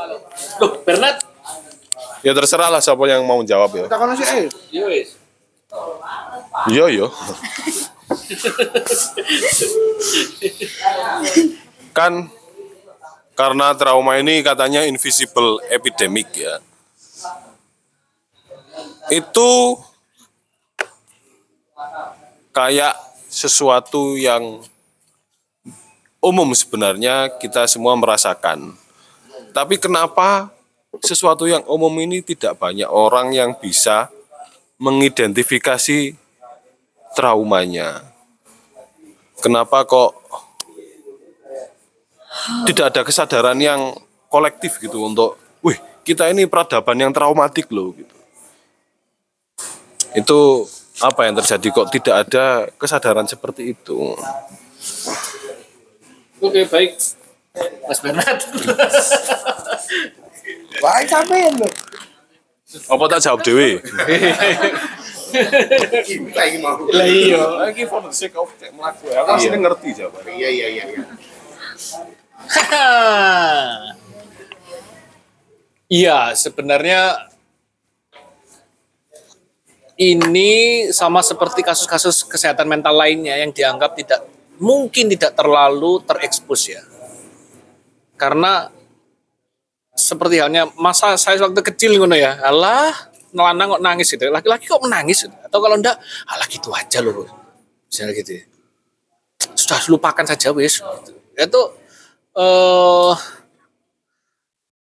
pola-pola di mana ignorance itu menjadi hal yang paling yang paling terakses dan yang paling menurut saya yang paling mudah gitu ya. Satu alasannya adalah ilmu tentang itu dan dan informasi tentang itu sangat terbatas dari dulu. Mungkin belakangan ini beberapa tahun belakangan ini apalagi dipicu oleh Covid ya. Itu me, membus informasi tentang mental health. Nah, mungkin dari situ kita uh, menjadi lebih mampu mengkonsumsi informasi tentang kesehatan mental beserta apa keuntungan dan kerugiannya karena informasi itu bisa bisa membludak ya bisa membanjiri siapa saja pengguna internet jadi alasannya salah satunya adalah keterbatasan informasi sehingga itu tidak mampu memicu mass awareness gitu. Tidak mampu memicu kesadaran secara massal. Karena memang informasinya sangat terbatas untuk diakses.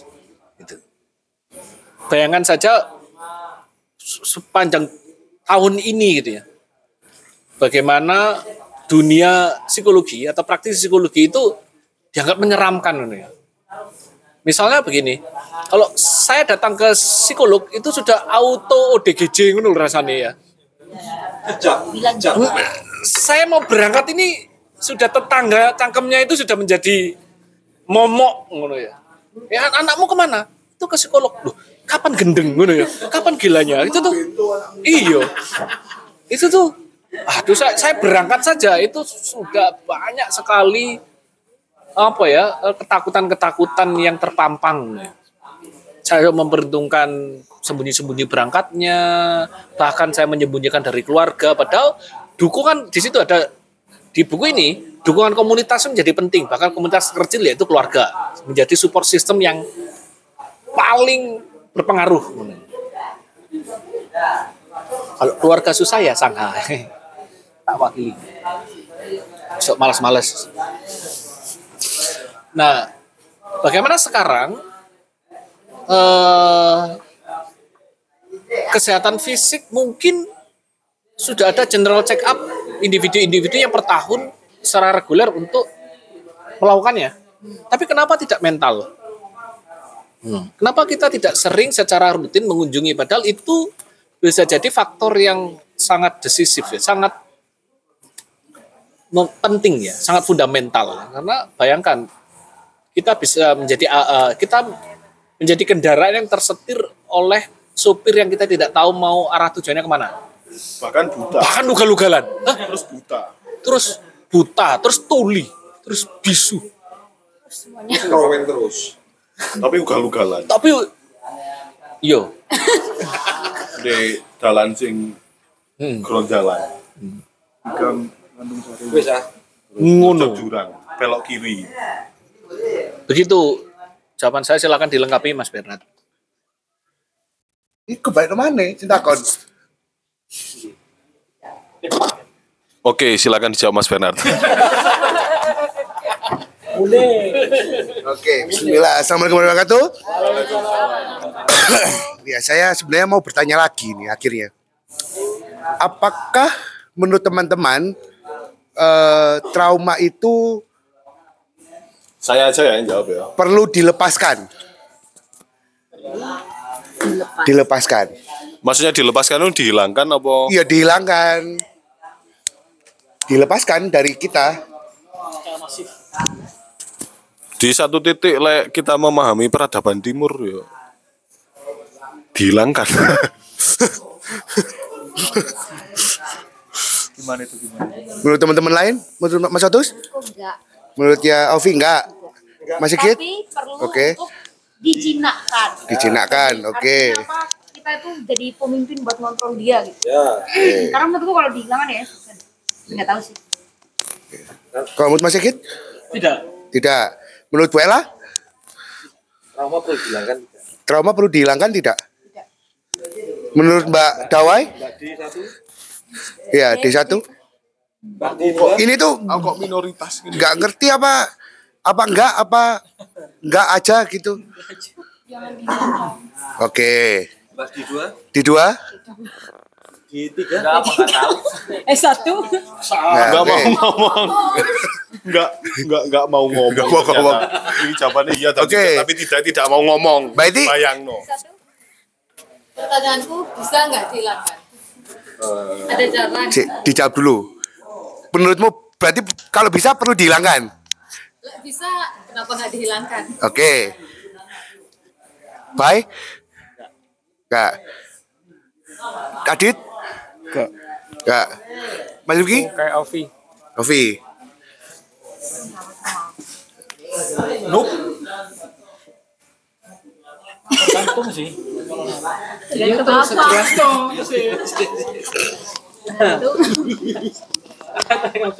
Tapi layak aku, ya perlu kan. Oke. Menurut calon sarjana psikologi? Asik. Hilang. Hilang. Oke. Ya, eh, saya di sini juga mau men- menambahkan pada akhirnya, eh, ya, eh, di psikologi itu identiknya trauma itu dikontrol akhirnya, bukan dihilangkan. Karena ketika bisa dikontrol dan eh, dijadikan sesuatu yang baik, itu maka akan mempercepat pengembangan manusia itu dari trauma itu. Misalkan nih trauma terhadap pacar yang jelek. Jadi traumatis Fobia, fobia, fobia, fobia. itu. fobia wong elek ngono bilang kan. Jahat sih itu. Jahat. Itu. Nah, Makanya mantanmu kok trauma kabeh yuk. Kabeh fobia wong elek. hingga setiap dia mencari pacar, setiap dia mencari pacar eh malah malah mendapatkan sesuatu yang tidak diharapkan. Ketemu orang jelek lagi berarti. Ketemu orang jelek lagi gitu misalkan. Nasib, nasib. Nah, Oh, atau ketemu orang ganteng yang kelokannya Jelek. kelokannya jelek. Itu juga efek dari trauma. Gitu misalnya. Nah, yang yang yang yang menurut saya pada akhirnya itu ya trauma itu bisanya dikontrol bukan dihilangkan. Karena ya itu tadi bahkan trauma itu bahkan sampai seumur hidup itu adalah eh, bersama kita begitu. Tapi apakah dengan kita punya trauma seumur hidup itu itu menjadi masalah? Sebenarnya tidak tidak menjadi masalah sama sekali. Kan gitu. Asalkan. Asalkan terkontrol. Kontrolnya bagaimana? Pertama adalah kita mencapai kesadaran, kan gitu. Mencapai kesadaran itu bagaimana? Ya bisa dengan meditasi, bisa dengan eh, konseling, dengan teman yang yang lebih positif mungkin, atau dengan orang-orang olahraga, kan gitu. Tuh, kegiatan positif. Nah, memang eh, juga saya menambahkan juga trauma itu sebetulnya ini juga masih ada perdebatan di beberapa kalangan. Apakah apakah trauma itu mendrive secara tidak sadar atau sadar? Karena apa? Banyak orang itu sebetulnya salah melakukan sesuatu karena traumanya itu dia nggak dapat insight kalau dia nggak sadar. Itu yang pertama. Jadi orang eh, misalkan tiba-tiba nangis sejadi-jadinya ketika lihat temannya dimarahi. Lihat temannya itu. Lihat temannya dimarahi sama temennya yang lain. Dia trauma karena dia pernah dimarahi sampai habis eh, dirinya dan tanda kutip ya itu oleh temannya. Nah maka dia menangis sejadi-jadinya itu berarti dia teringat dengan masa itu nah itu kalau nggak sadar nggak mungkin nyampe sana. Nah hingga pada akhirnya kalau ngomongin trauma itu perlunya kita berfokus pada panca indera memang. Karena begini coba teman-teman yang yang punya trauma eh, coba diingat-ingat kembali trauma itu karena kejadiannya atau aftertaste setelah kejadiannya? Da- Dalam konsepnya, eh, misalnya aku ngambil konsep Buddha, nih, Heeh, itu ada namanya second arrow. heeh, Jadi the first arrow itu dimarahinnya.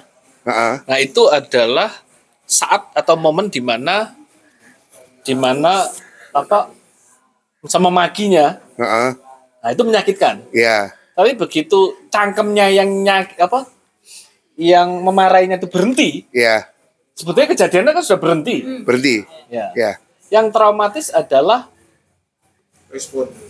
setelah ini reaksi apa yang terjadi dan sepanjang apa. itu Ya. Iya. Nah, makanya kalau aku ngomongnya langsung aja ya, maksudnya ketika teman-teman ingin mengkontrol trauma, itu perlunya juga kita belajar untuk eh, memahami dengan detail. Trauma itu itu dari mana yang kurasakan? Dari pendengaran kah? Dari mata kah? Dari mulut kita kah? Dari kulit kita kah? Gitu. Contoh misalkan kalau di dunia saya di, di, di, di dunia olahraga ya, atlet itu trauma dengan cedera itu bukan karena sakitnya cedera, tapi karena setelah cedera dia tidak digubris oleh pelatihnya misalkan, atau dia dianggap sudah habis oleh masyarakat. Itu yang bikin trauma. Bukan tentang sakitnya yang habis kena tentang ceklak gitu, bukan.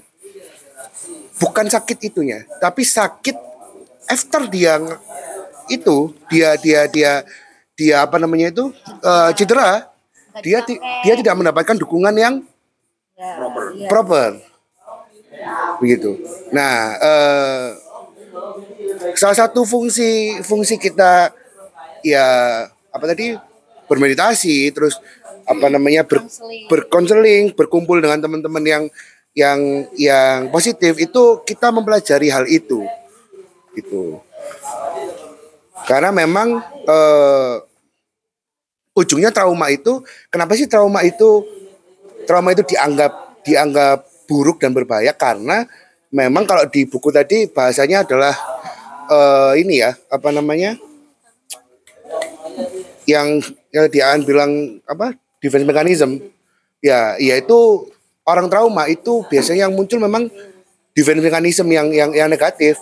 Menormalizing lah me escaping lah dia lari dari dari apa namanya itu dari ke- kenyataan itu tidak ti- tidak mencoba untuk untuk bertemu dengan trauma itu. Padahal satu kunci trauma adalah kita bertemu dan memiliki experience baru. Trauma itu intinya bisa terkontrol juga dengan kita memiliki nilai baru dari kejadian yang sama Reevaluating. Reevaluasi. Iya, minimal iya reframing pada akhirnya. Gitu. Makanya kalau Jawa Mila kayak kebentuk, ya wis di dibentuk namanya diusek-usek. Itu itu saya mengingatkan ke sana. Kalau kita kebentuk dulu kan nggak tahu itu di- juga saya kebentuk gitu, kebentuk neng di ayo coba ndak sih di di diusek namanya. Mau dipak. itu jadi eh, apa namanya trauma itu secara singkat kalau dari saya memang perlunya kita itu untuk menyadari secara panca indera kita itu di sisi mana yang yang kita mendapatkan trauma itu. Gitu. Kadang-kadang karena karena sudah memvirus ke diri kita ya jadi bingung. Kita itu traumanya hanya karena suara yang suara bapakku yang ketika itu aku harusnya nggak dimarahi tapi aku dimarahi. Hingga visual kita itu ketika ngelihat bapak kita orang mirip bapak kita itu takut gitu misalkan. Padahal penyakit utamanya itu kan karena pendengaran kita. Maka sebenarnya obatnya adalah kita banyak-banyak mendengarkan hal baik dari bapak kita. Paham maksudnya ya? Yang bikin rancu dalam dalam kutip ya, itu terlihat seperti orang gila, orang orang punya trauma itu adalah karena dia ya sudah kacau. Traumanya itu dari kuping, tapi dia eh, merespon ketika dia trauma itu dari mata. Itu kayak gitu. Jadi ya eh, Bapak saya sudah mati.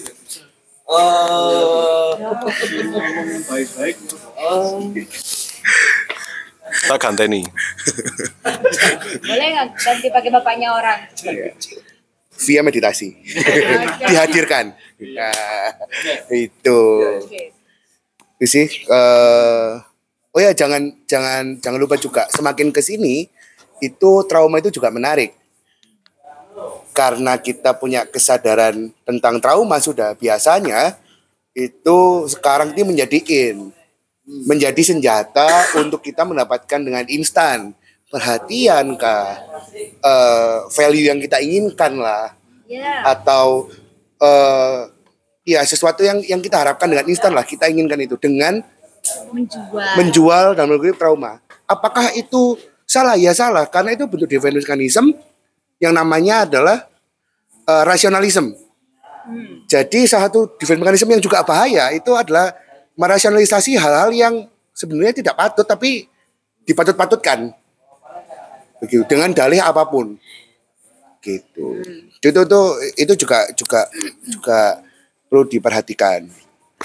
Ya, dan satu hal pesan dari saya, trauma itu perlunya dihadiri dan direvaluing, bukan semakin mencoba kita hilangkan. Itu, itu sih, mungkin itu tambahan saya yang nggak karuan ini sepertinya. Terima kasih. Terima kasih Mas Bernard. Oke. Ada yang mau bertanya? Kalau nggak ada, saya tanya lagi. Ya, tanya, tanya, tanya, tanya, tanya. Oke, jadi saya mau bertanya seperti ini, tapi saya coba menjelaskannya dengan ribet dulu.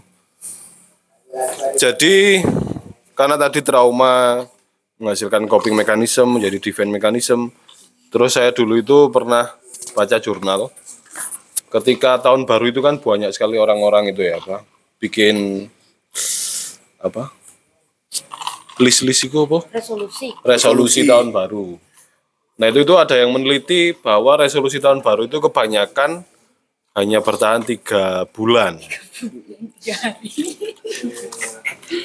Hanya bertahan tiga bulan itu ternyata faktor utamanya itu ternyata motivasinya tidak datang pada tempat tidak berasal dari tempat yang tepat.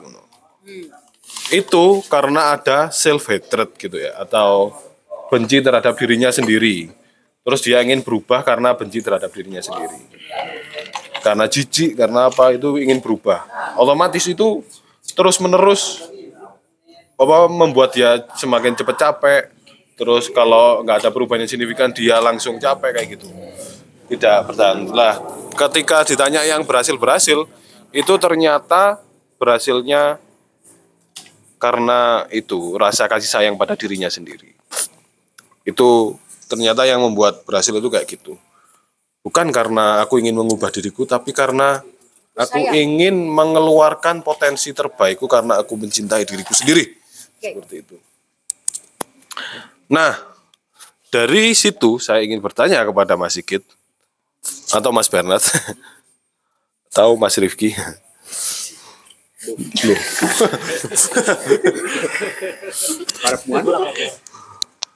itu kan tadi banyak sekali ya. Kita itu mungkin karena 10% sadar 90% nggak sadar dan itu kalau trauma tidak terregulasi ya sumbernya dari situ dari luka gitu. bisa nggak dijelaskan Mas Sigit? Kalau ya dari situ tadi berarti laku-laku keseharian kita bisa saja itu keputusan-keputusan kita berdasarkan luka-luka trauma kita. Bisa saja seperti itu.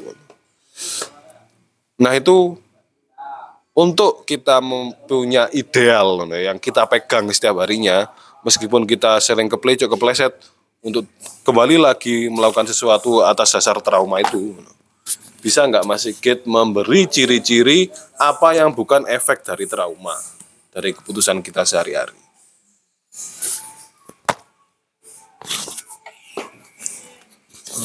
saya me- menjawabnya dari buku itu juga ya.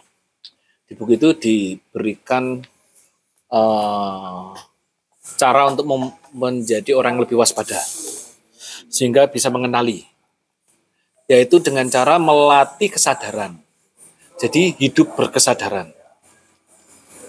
Dengan semakin memperpanjang proses hidup berkesadaran, itu kita melatih diri kita menjadi lebih akurat untuk mengenali mana yang auto, mana yang tidak. Misalnya nih, kok tiba-tiba tangan saya kok auto membuka HP ini kenapa? Misalnya gitu ya. Atau seperti yang Bernard tadi, eh, banyak sinyal-sinyal itu berdasarkan ketubuhan. Kayak misalnya tadi, oh ada ada reaksi batin nih menderita. Itu man, bagian mana nih yang yang menjadi lebih lebih dominan terasa mungkin berat, mungkin sakit di tubuh kita. Jadi eh, dengan melatih itu, setidaknya kita mengenali sinyalnya dulu di tubuh kita. Hmm. Tidak melakukan tidak melakukan banyak hal secara eh, terlalu auto. Misalnya kok saya tiba-tiba membuka Shopee dan membuka check out. Ini, ini kenapa ini? Ya gitu ya. Dianu dulu. Disadari dulu. Bahaya. Lele iya kan udah marah-marah. Loh, Kok saya check out ya? Kenapa ya? Apa yang ingin saya sembuhkan? Ya gitu. Hal seperti itu dilatih. Eh, bisa lewat cara di sini itu sebetulnya em, tradisi-tradisi yang sudah kuno itu em, bisa bisa diakuisisi. Misalnya dengan melakukan kegiatan yang terlihat sangat sangat sepele, makan misalnya gitu ya. Oh mulai nih tidak sambil nonton YouTube atau tidak tidak melakukan selain tindakan itu dan benar-benar mungkin disadari proses makannya. Tubuh kita bagaimana gitu. Itu, itu sebetulnya melatih ya. Melatih kemampuan kita untuk mengenali mana sistem auto dan tidak. Karena cara bekerja trauma itu salah satunya adalah dia sudah memberikan keputusan tapi dia memaksa otak rasional kita untuk menujunya bagaimanapun caranya wis pokoknya biar setuju. Nah, berarti eh, kita putus rantainya itu lewat hidup yang penuh kesadaran katanya Dokter Paul yang nama belakangnya tidak perlu saya sebutkan. Konti. Karena on itu loh. Ada Mas Otu soalnya. Makanya nggak berani nyebut. Oh no. Silakan kalau mau ditambahkan Mas Ber. Pertanyaan tadi kan ciri-ciri perilaku yang tidak didrive oleh trauma. Menurutku sangat sulit dipetakan. Karena bisa jadi perilaku baik kita itu karena regulasi trauma kita yang bagus. Pun sebaliknya, bisa jadi perilaku negatif kita itu karena regulasi atas trauma kita yang jelek. Jadi eh, kalau eh, pertanyaannya adalah peta seperti itu kayaknya sulit ya, gitu. Itu di prinsipnya adalah ketika memang kita bisa meregulasi trauma kita dengan baik, maka perilaku kita cenderung akan baik di setiap kondisi. Itu sih. Oke. Oke, saya tanya lagi ke Mas Bernard aja. Sebelum saya lebarkan ke audiens, we. Apakah ada yang mau sisi saya lemparkan dulu aja? Ya. deh.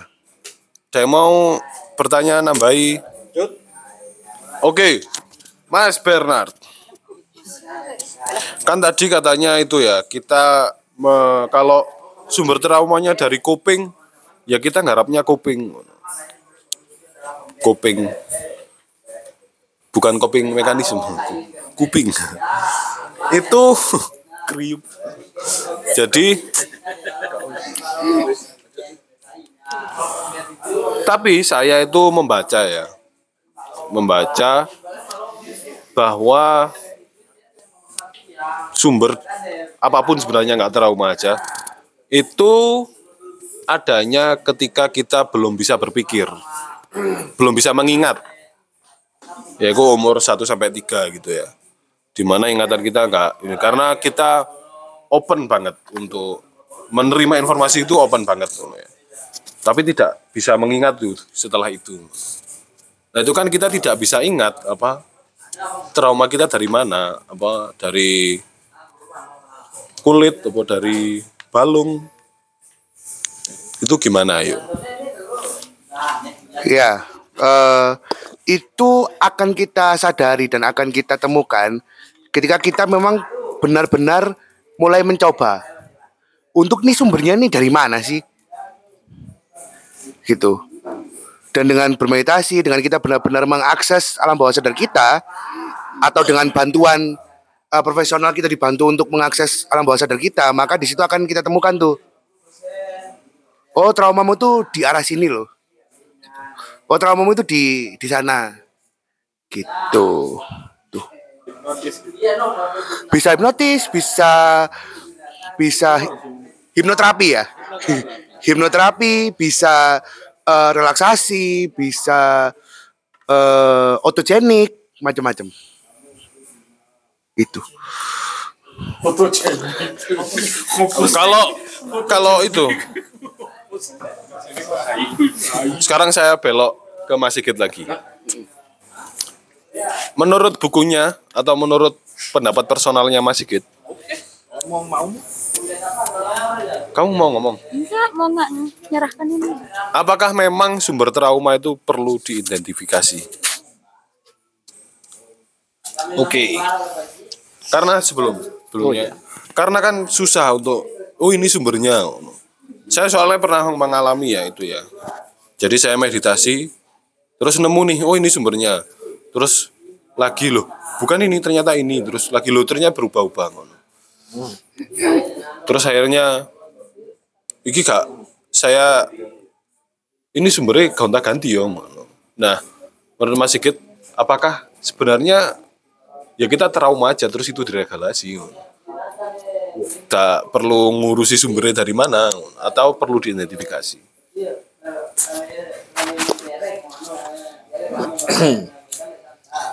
itu menurut saya tergantung kepada pilihan individu dia eh, belief sistemnya dari mana. Nah, eh, kalau di buku itu memang saran pertamanya adalah ke profesional. Begitu ya, karena dia eh, dokter ya, ya, ya dia bekerjanya di wilayah yang berdasarkan profesinya, begitu. Jadi eh, saran saya adalah mengetahui belief system kita itu bagaimana. Kalau kita belief system kita itu saintifik ya harus dikenali. Menurut saya begitu. Karena saintifik itu kerjanya kan mekanistik. Maka mengenali mekanisme trauma menjadi penting untuk orang yang belief systemnya apa science. Ngono. Root cause-nya harus ketemu. Gitu. Oh. Atau misal Iya iya iya. Iya. Bukan terus membaca ya. Iya. Iku apakah gini? Aku curiga sebenarnya. Ketika ditemukan ono ya misalnya iki ngono oleh apa oleh sang ahli ngono lah ya. Ketika di hipnoterapi apa ternyata iki. Akhirnya ya kita cuma mudah saja untuk mengidentifikasi bahwa ini. Akhirnya itu menjadi belief system baru bahwa trauma aku berdasarkan dari ini. Akhirnya aku ngharap di sini saja. Apakah itu sebenarnya seperti itu? Soalnya berdasarkan dari pengalaman saya itu susah banget untuk diidentifikasi yang mana. Dan ketika saya menemukan pun apakah ini karena saya mempercayai itu, apakah itu memang itu. Ya kalau dari Saya itu yang bisa menjawab mungkin lebih anu Bernard ya. Karena eh, Bernard berkecimpung di wilayah itu. Jadi informasinya mungkin lebih banyak Bernard. Bagaimana ahli itu memang dilatih secara keilmuan untuk mengenali ini yang benar ataupun root cause-nya yang real atau tidak. Karena fleeting sekali ya, karena memang memang naturalnya trauma memang seperti itu. Memang dia ber- mau bersembunyi gitu loh ya. Mau berlapis-lapis kadang ya. Karena topengnya kan banyak. Atau mungkin trauma itu nggak satu. Hmm? Banyak trauma-trauma trauma terus dikumpulin. Grup pun. Iya. Bisa jadi trauma itu nggak satu. Oke. Dari sisi itu, maka eh, memang contohnya seperti ini ya. Kita mengenali dia eh, kena mungkin kanker misalnya gitu ya. Oke, sembuhin dulu tuh kankernya tuh karena itu yang paling penting gitu. Misalnya gitu ya. Meskipun nanti teman-temannya ada yang juga brengsek misalnya eh, inflamasinya kayak apanya kayak gitu ya. Tapi yang eh, ahli itu akan tahu yang mana yang harus diberesin lebih dulu tingkat prioritasnya. Menurut saya di situ. Gitu. Daripada oke lah, lo kan urusanmu kan inflamasi nih, ya wes tak sembuhin inflamasi ya kankerin kok ayo belakangan karena ini root cause-nya gitu. Maka mungkin bantuan ahli itu bisa me- memprioritaskan mana yang harus diurusin dulu. Ngono kayaknya. Nat, Sebelum dijawab ke Mas Bernard, saya tak tambahi pertanyaan lagi. Kan berdasarkan pengalaman saya ini ya, saya sekaligus apa apa itu namanya konsultasi gratis. Iya. Jadi saya ketika yaitu tadi mencari tra- root cause trauma saya itu ya itu menemukan jawabannya berlapis-lapis. Sampai saya curiga bahwa trauma ini adalah belief system. Yang tadi itu kena first arrow-nya, terus kita mempercayai nih sini nih problemnya. Karena kita mempercayai bahwa inilah problemnya. Lah itu belief system itu saya pupuk berhari-hari gitu berhari-hari sampai saya dewasa. Akhirnya menjadi kebiasaan dan menjadi sikap dan watak saya. Yang akhirnya ya itu trauma saya ngono tapi ketika saya sudah tidak mempercayai kayak mang tadi apa di sama Mas Sigit, saya tuh mencari sesuatu yang dulu kalau saya ingat itu langsung koyok badan saya panas terus moro dia itu jijik terhadap diri saya sendiri terus tapi pada saat tadi ketemu itu nggak terasa apa-apa nah kalau dulu saya menemukan itu itu kayak gitu terasanya terus moro sudah berdamai dengan itu terus saya nyoba lagi ternyata ketemu yang lain ketemu yang lain ketemu yang lain Nono. yang lah saya akhirnya menganggap bahwa ini adalah dorongan untuk mempercayai bahwa saya terluka. Bukan karena ada luka, tapi saya ingin percaya nih karena ada luka di dalam diri saya. Entah itu untuk apa, untuk apa itu ya.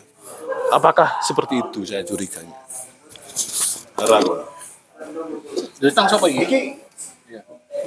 Oh, kok ada hari ngetes saya apa? Iya.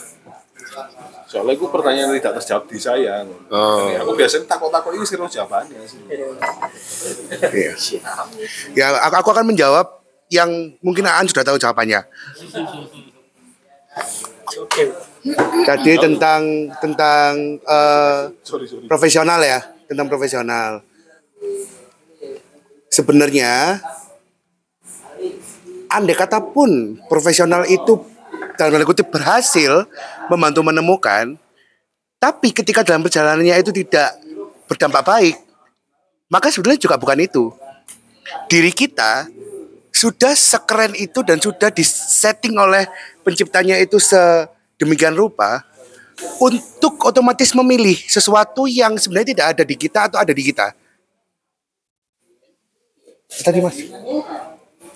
Makasih Mas Rifki. Hati-hati. Dadah. bantuan profesional itu di di konsep terapi ya ini ya bantuan profesional itu targetnya adalah mempercepat atau ya bahasa sebenarnya adalah membantu gitu Dan dan jangan salah, itu sangat dipengaruhi oleh dua hal. Satu adalah kesediaan kita sebagai eh, dalam tanda kutip orang yang butuh dibantu ya. Keikhlasan kita dan keseriusan kita untuk mengikuti proses itu. Maka tidak ada namanya terapi itu yang sekali jadi di dunia mana pun. Di belahan bumi mana pun tidak ada. Karena itu proses. Gitu. Contoh eh, pengalaman saya sendiri, saya membantu salah, salah seorang atlet yang bahkan sampai 50 kali aku ketemu itu belum belum ketemu apa namanya root rootnya apa. Sehingga pada akhirnya di situ juga yang membuat saya semakin yakin saya fokus di satu satu tema sajalah di olahraga. Jadi saya sudah nggak nggak perlu me- mengurusi trauma lagi yang perlu saya lakukan adalah hanya membuat dia juara sudah. Itu saja. Gitu. Nah selanjutnya di situ ya jadi kalau ngomongin eh, kita mengakuisisi belief eh, profesional itu atau bukan ya itu sangat terserah sangat terserah apa namanya kliennya begitu. Dan eh ya tadi ketika memang tidak cocok dan bukan itu yang di yang ternyata root cause-nya maka itu dengan otomatis akan akan tidak berlaku lagi bagi si klien begitu. Tuh. Di situ tinggal kembali ke individu kliennya. Masih mau nggak apa namanya itu me- membereskan itu? Gitu. Untuk mencari lagi. Gitu. Sama aja dengan kita misalkan meditasi. Ketika kita tidak eh, ikhlas dan tidak menyerahkan diri kita untuk sesuatu yang baik dan niatkan dengan baik. Tidak akan terasa apa yang akan kita lakukan. Meditasi 10 jam 15 jam pun ketika kita tidak ti- tidak ada rasa itu itu juga tidak akan berpengaruh apa-apa. Selanjutnya tentang itu tadi apa namanya kamu Aan eh bingung apakah jangan-jangan sebenarnya nggak ada trauma tapi di diadakan atau, gimana? Ya, gitu dulu aja. gitu dulu. Hanya karena percaya. Sebenarnya kalau memang tidak ada trauma di satu tema kamu tidak akan memikirkan itu. Oke. sesimpel itu sebenarnya Oh, enggak enggak, sorry sorry. Lanjut lanjut. Iya itu itu respon yang saya harapkan. Terima kasih. gitu.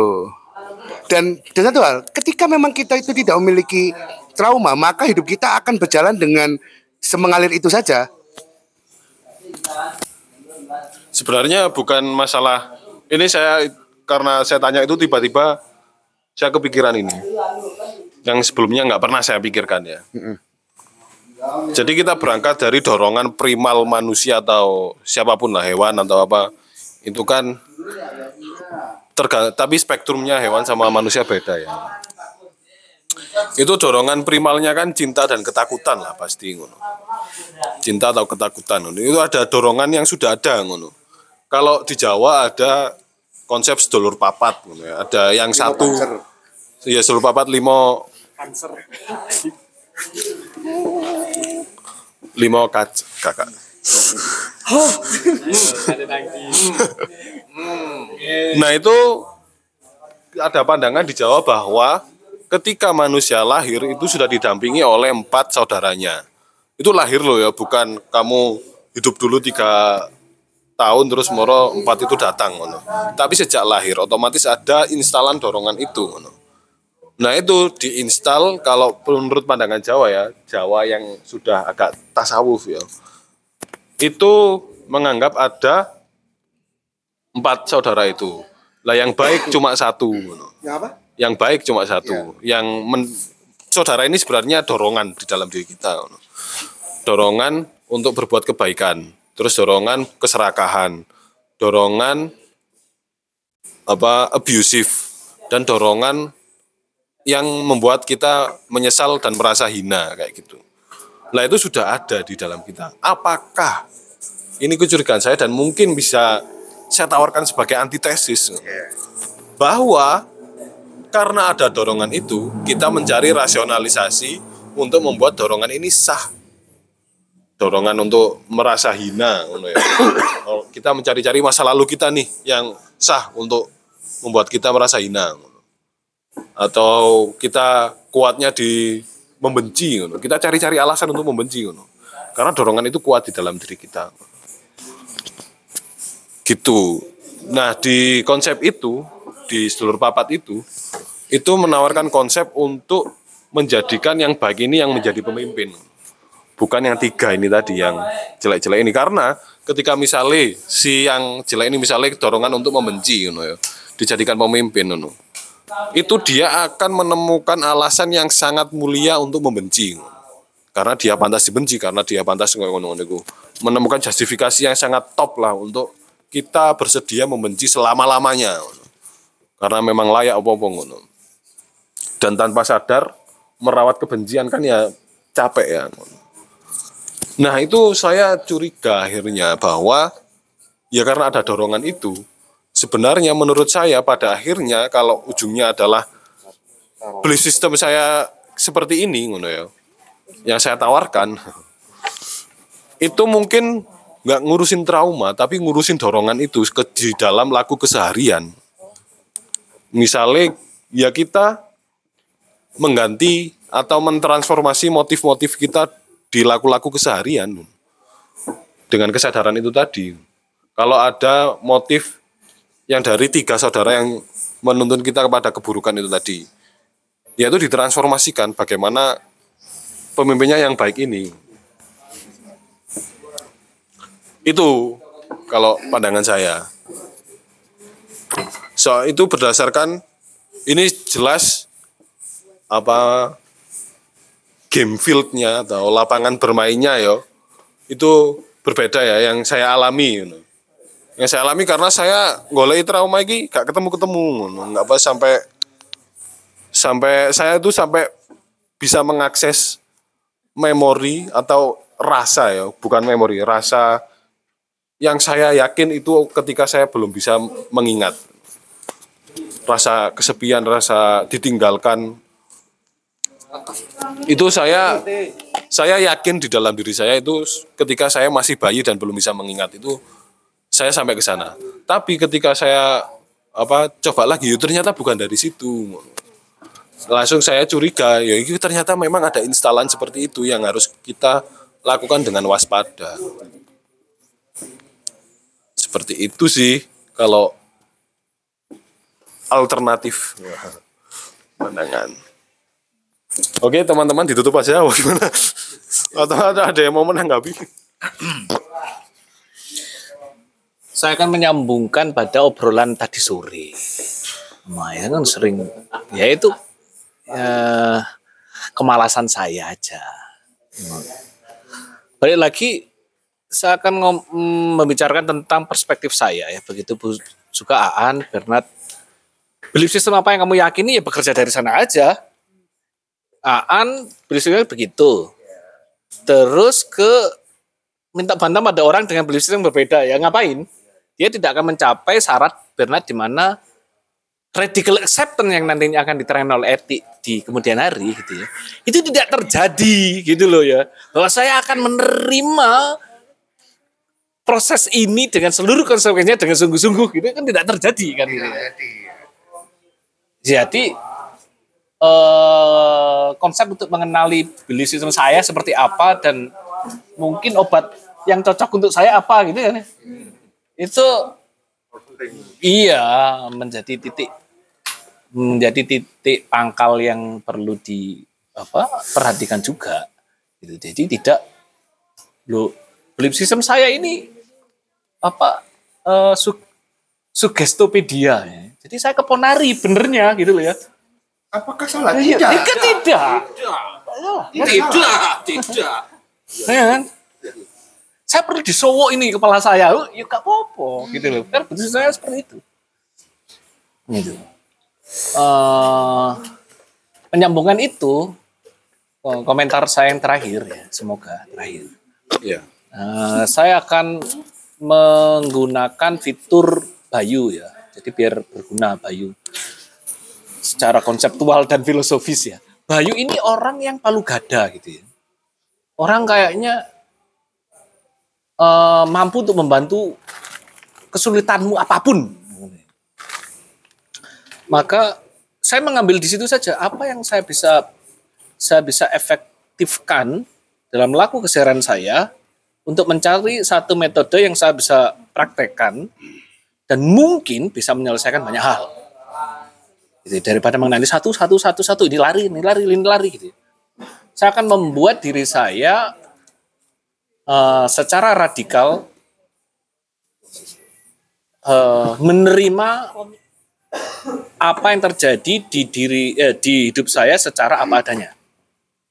Oh, yang datang rasa sedih nih hari ini, ya saya terima saja. Gitu. Oh, kebahagiaan, saya terima. Loh, lah kok kebahagiaan cuma setengah jam, guys. Ya saya terima.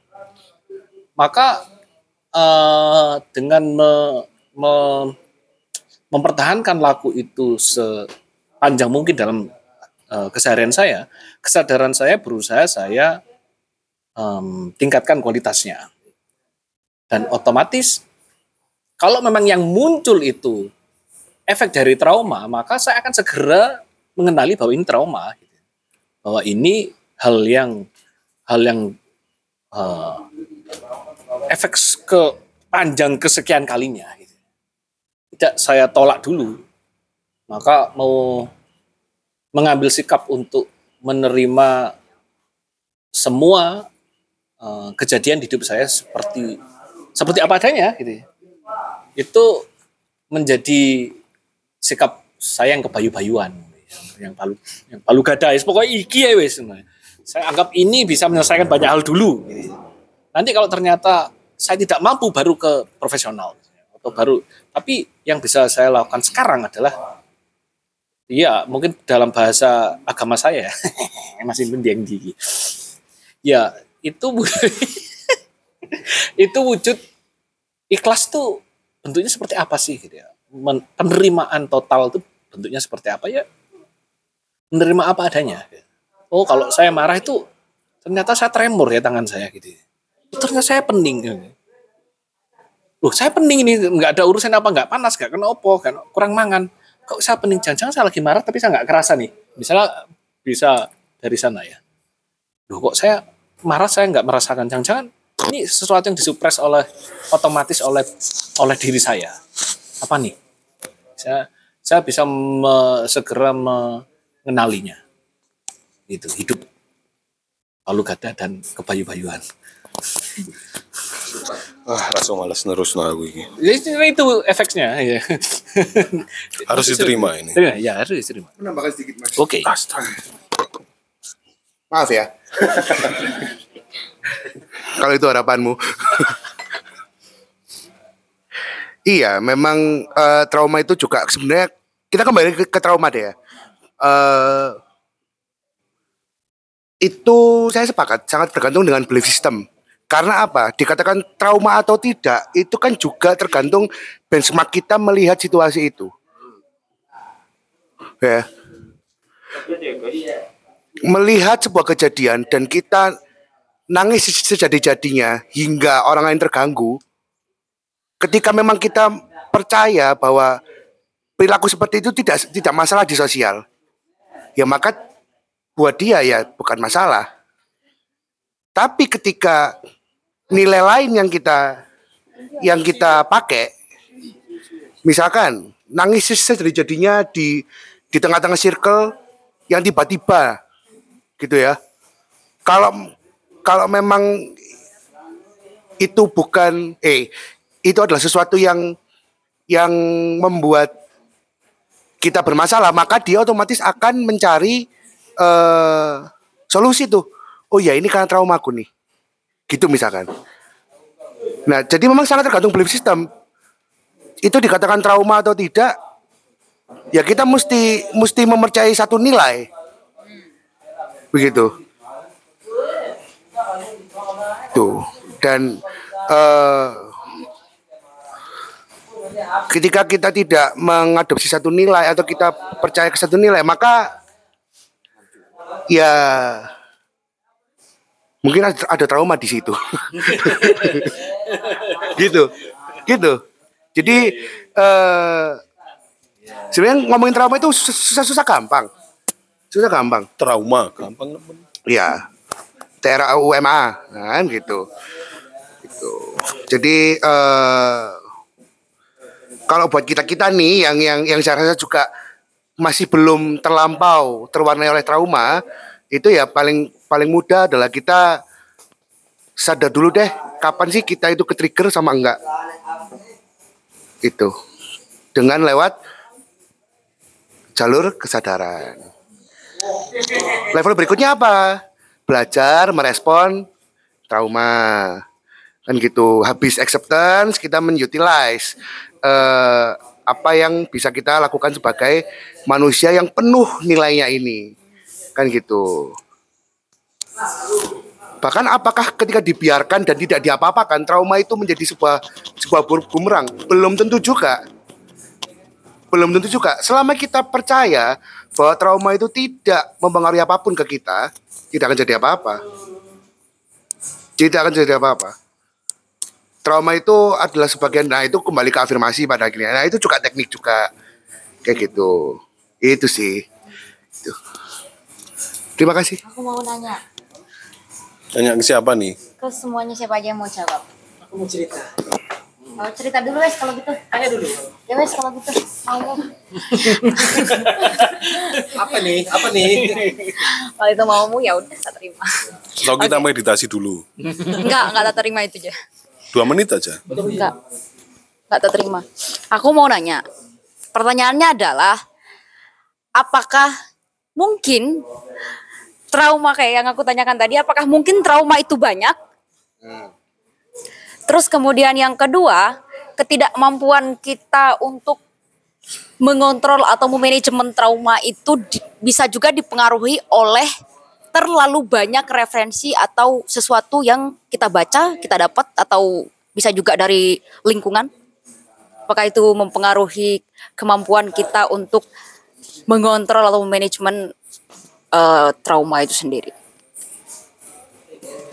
Sehingga sih sehingga itu membuat kita menjadi eh, jangan-jangan bukan apa iya ya jadi bingung tuh akhirnya itu pertanyaannya silakan terserah siapa yang mau jawab. Dari buku ini aja ya. Ya, oke Eh, trauma itu kan tadi bermacam-macam.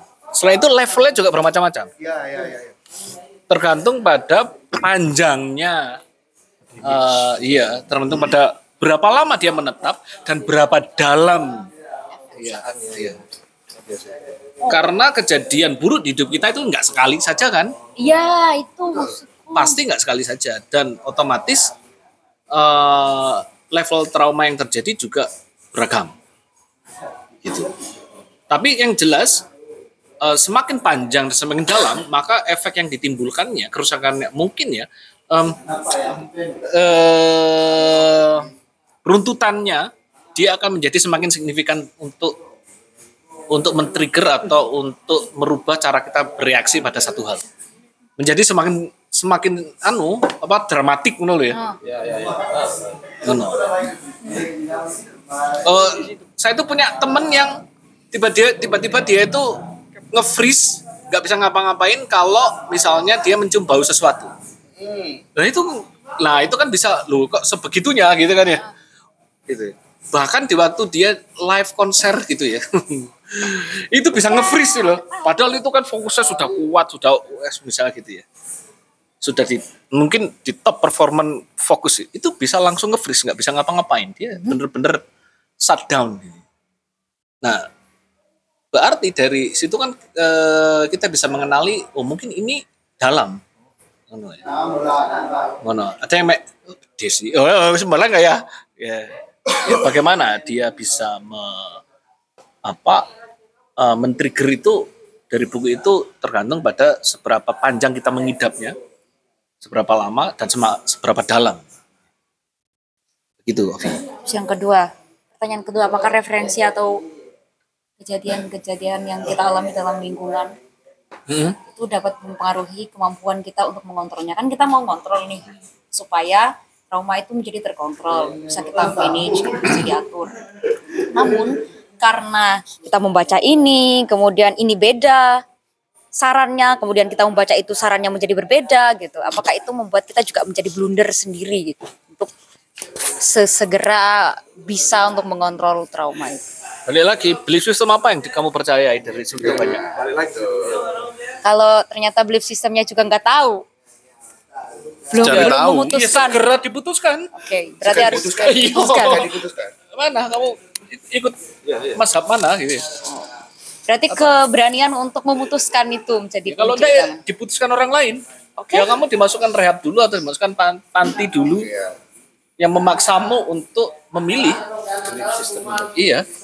Oke. Ya. Iya kan? Iya. Karena kan kita melalui, melalui, melalui satu proses itu yang akan rumit adalah ketika ti- kita tidak menemukan akhirnya.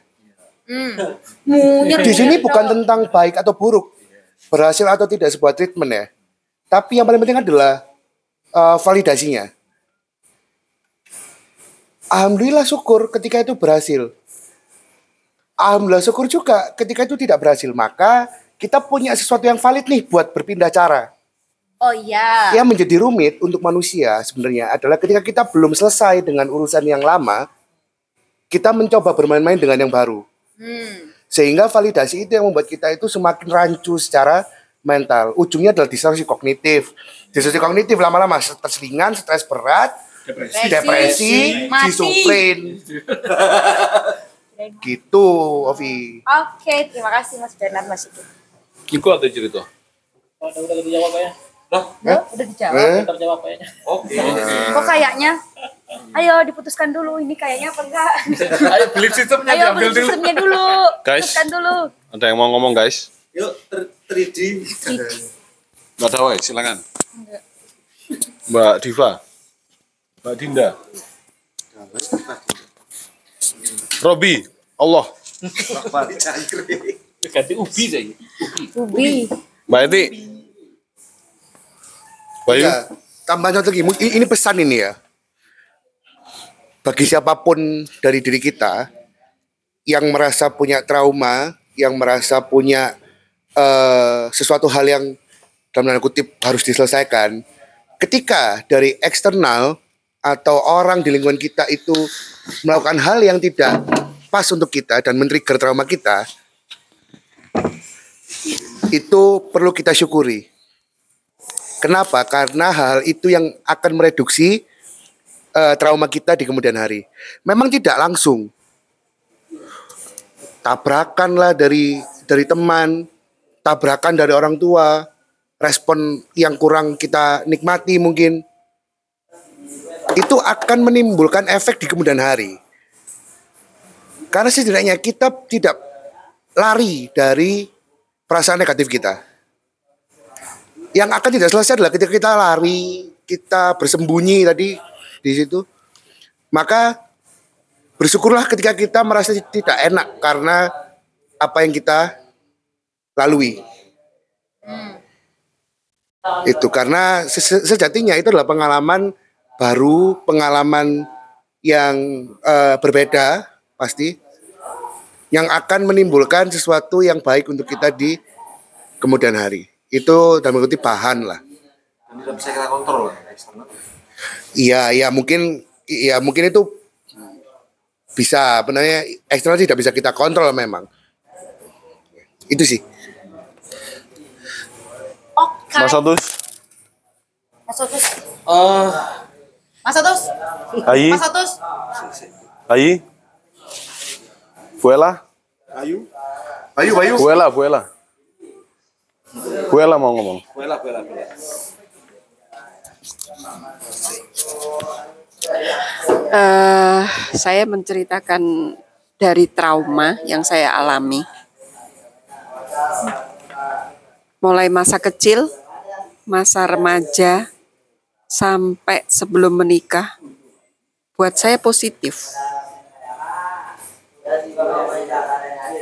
Positif setelah, karena saya sudah menikah, em, setelah menikah itu saya ngambil hikmah semua trauma-trauma. Eh, saya perinci satu-satu. Bully. Dibanding-bandingkan. Diremehkan. Karena saya paling bungsu, saya selalu diremehkan misal. Diremehkan, di biasanya gini. Saya salah gitu ya. Kayak saya paling kecil.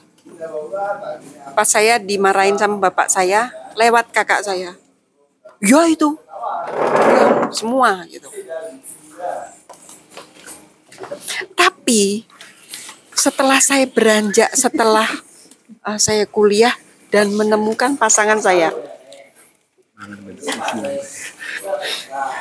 saya buat positif. Kulo pasangan kulo Saya buat positif. Satu, kuncine. Eh, Pasangan kulo tik rungokno. yang kedua, yang kedua, eh, saya nggak tahu tadi Mas Sigit ngomong apa ya, Eh, trauma, eh, cinta kasih tadi aku saya kurang. Nah, begitu saya ketemu pasangan saya, saya cerita trauma saya dari A sampai selesai. Pasangan saya bilang gini, ya udah, kamu tak tak sayang sayang, tak bahagiakan. Wah, saya kayak terbang. Dan eh, alhamdulillah, yang trauma masa kecil itu sudah ya mungkin kalau Mbak Ovi tadi berdamai atau beriringan. Gitu. Untuk saya tapi saya nggak tahu untuk kakak-kakak saya ya. Saya amat sangat diremehkan dibandingkan. Saya tidak marah. Sampai sekarang pun saya mengingat tidak tidak marah dengan orang yang membandingkan atau enggak. Pokoknya positif itu aja lah ya terima kasih assalamualaikum warahmatullahi wabarakatuh terima kasih. Kulo kulo value ini kulo pasangan. Pasangan, Dul pasangan. kulo.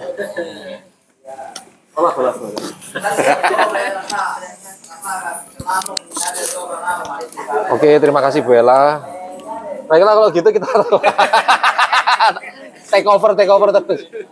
Enggak, ini mungkin kaitannya dengan eh, saya mau mohon izin mau menambahkan mungkin dengan kaitannya dengan belief system ya. Eh, menurut saya yang dikatakan Mas Sigit dan Om Berni dan Bu Ella tadi bahwa ada kata kunci di situ yang harus tidak boleh kita eh, mau tidak mau harus kita lakukan yaitu di konsistensi ya. Jadi apa pun yang kita pilih misalnya nih eh, saya cara saya menyelesaikan trauma adalah dengan berzikir tuh. Atau dengan saya fitness atau dengan saya menyiksa tubuh saya sampai eh, tubuh saya. Bukan Pakai ini berarti. Sampai dalam inti kehidupan yang paling tandus.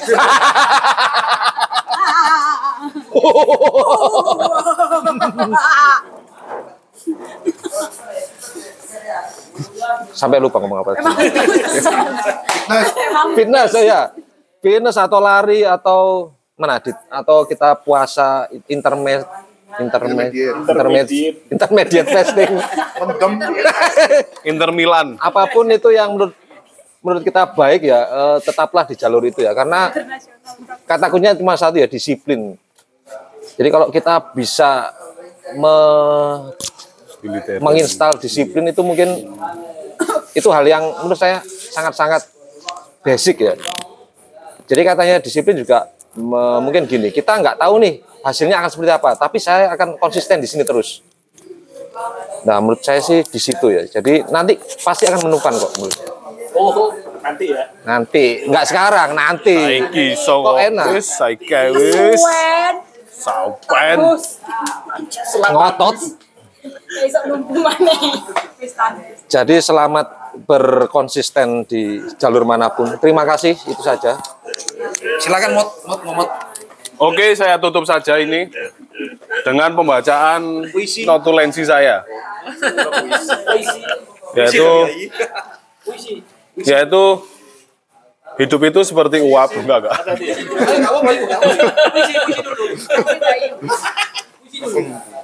Hah?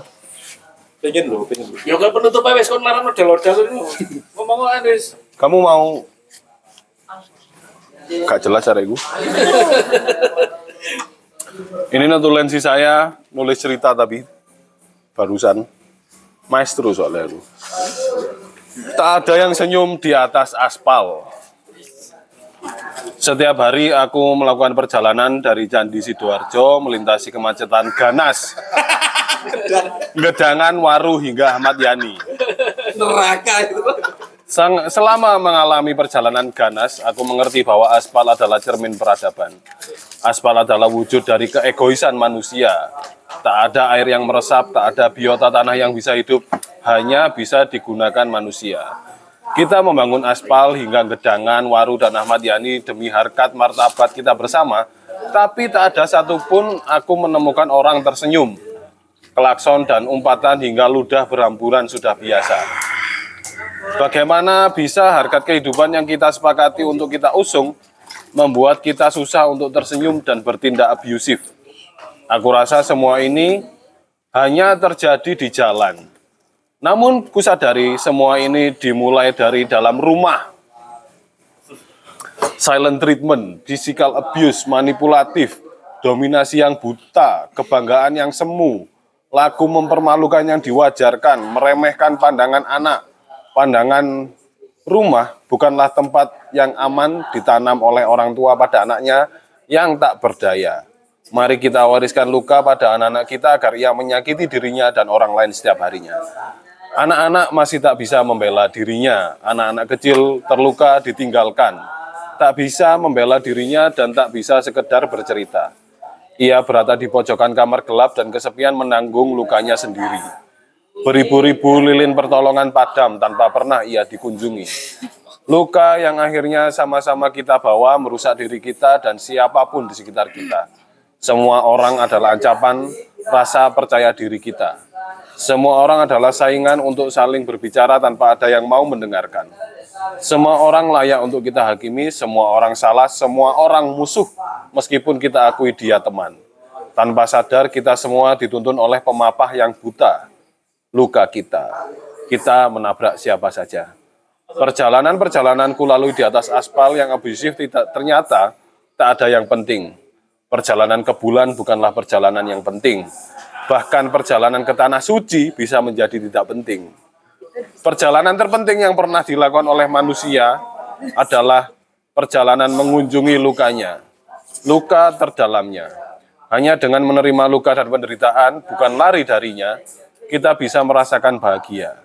Hanya dengan mengunjungi luka dan penderitaan, bukan lari darinya, kita bisa mena berhenti menancapkan obat bius pada diri kita untuk berhenti merasakan luka. Berhenti melakukan sesuatu yang pada dasarnya tidak kita inginkan. Kerja mati-matian, menghakimi habis-habisan, menggosip, menguliti teman hingga akar, judi slot dan pinjol, menipu, bermain perempuan, rebahan tanpa usai, bermain HP tanpa jeda, check out dari marketplace tanpa kendali, bermain sosmed memposisikan diri dalam display, takut komentar orang memfabrikasi diri demi pengakuan, terperangkap dalam roda hamster pengakuan dan pencapaian tanpa henti, hingga akhirkan, akhirnya melupakan jati diri kita yang sebenarnya.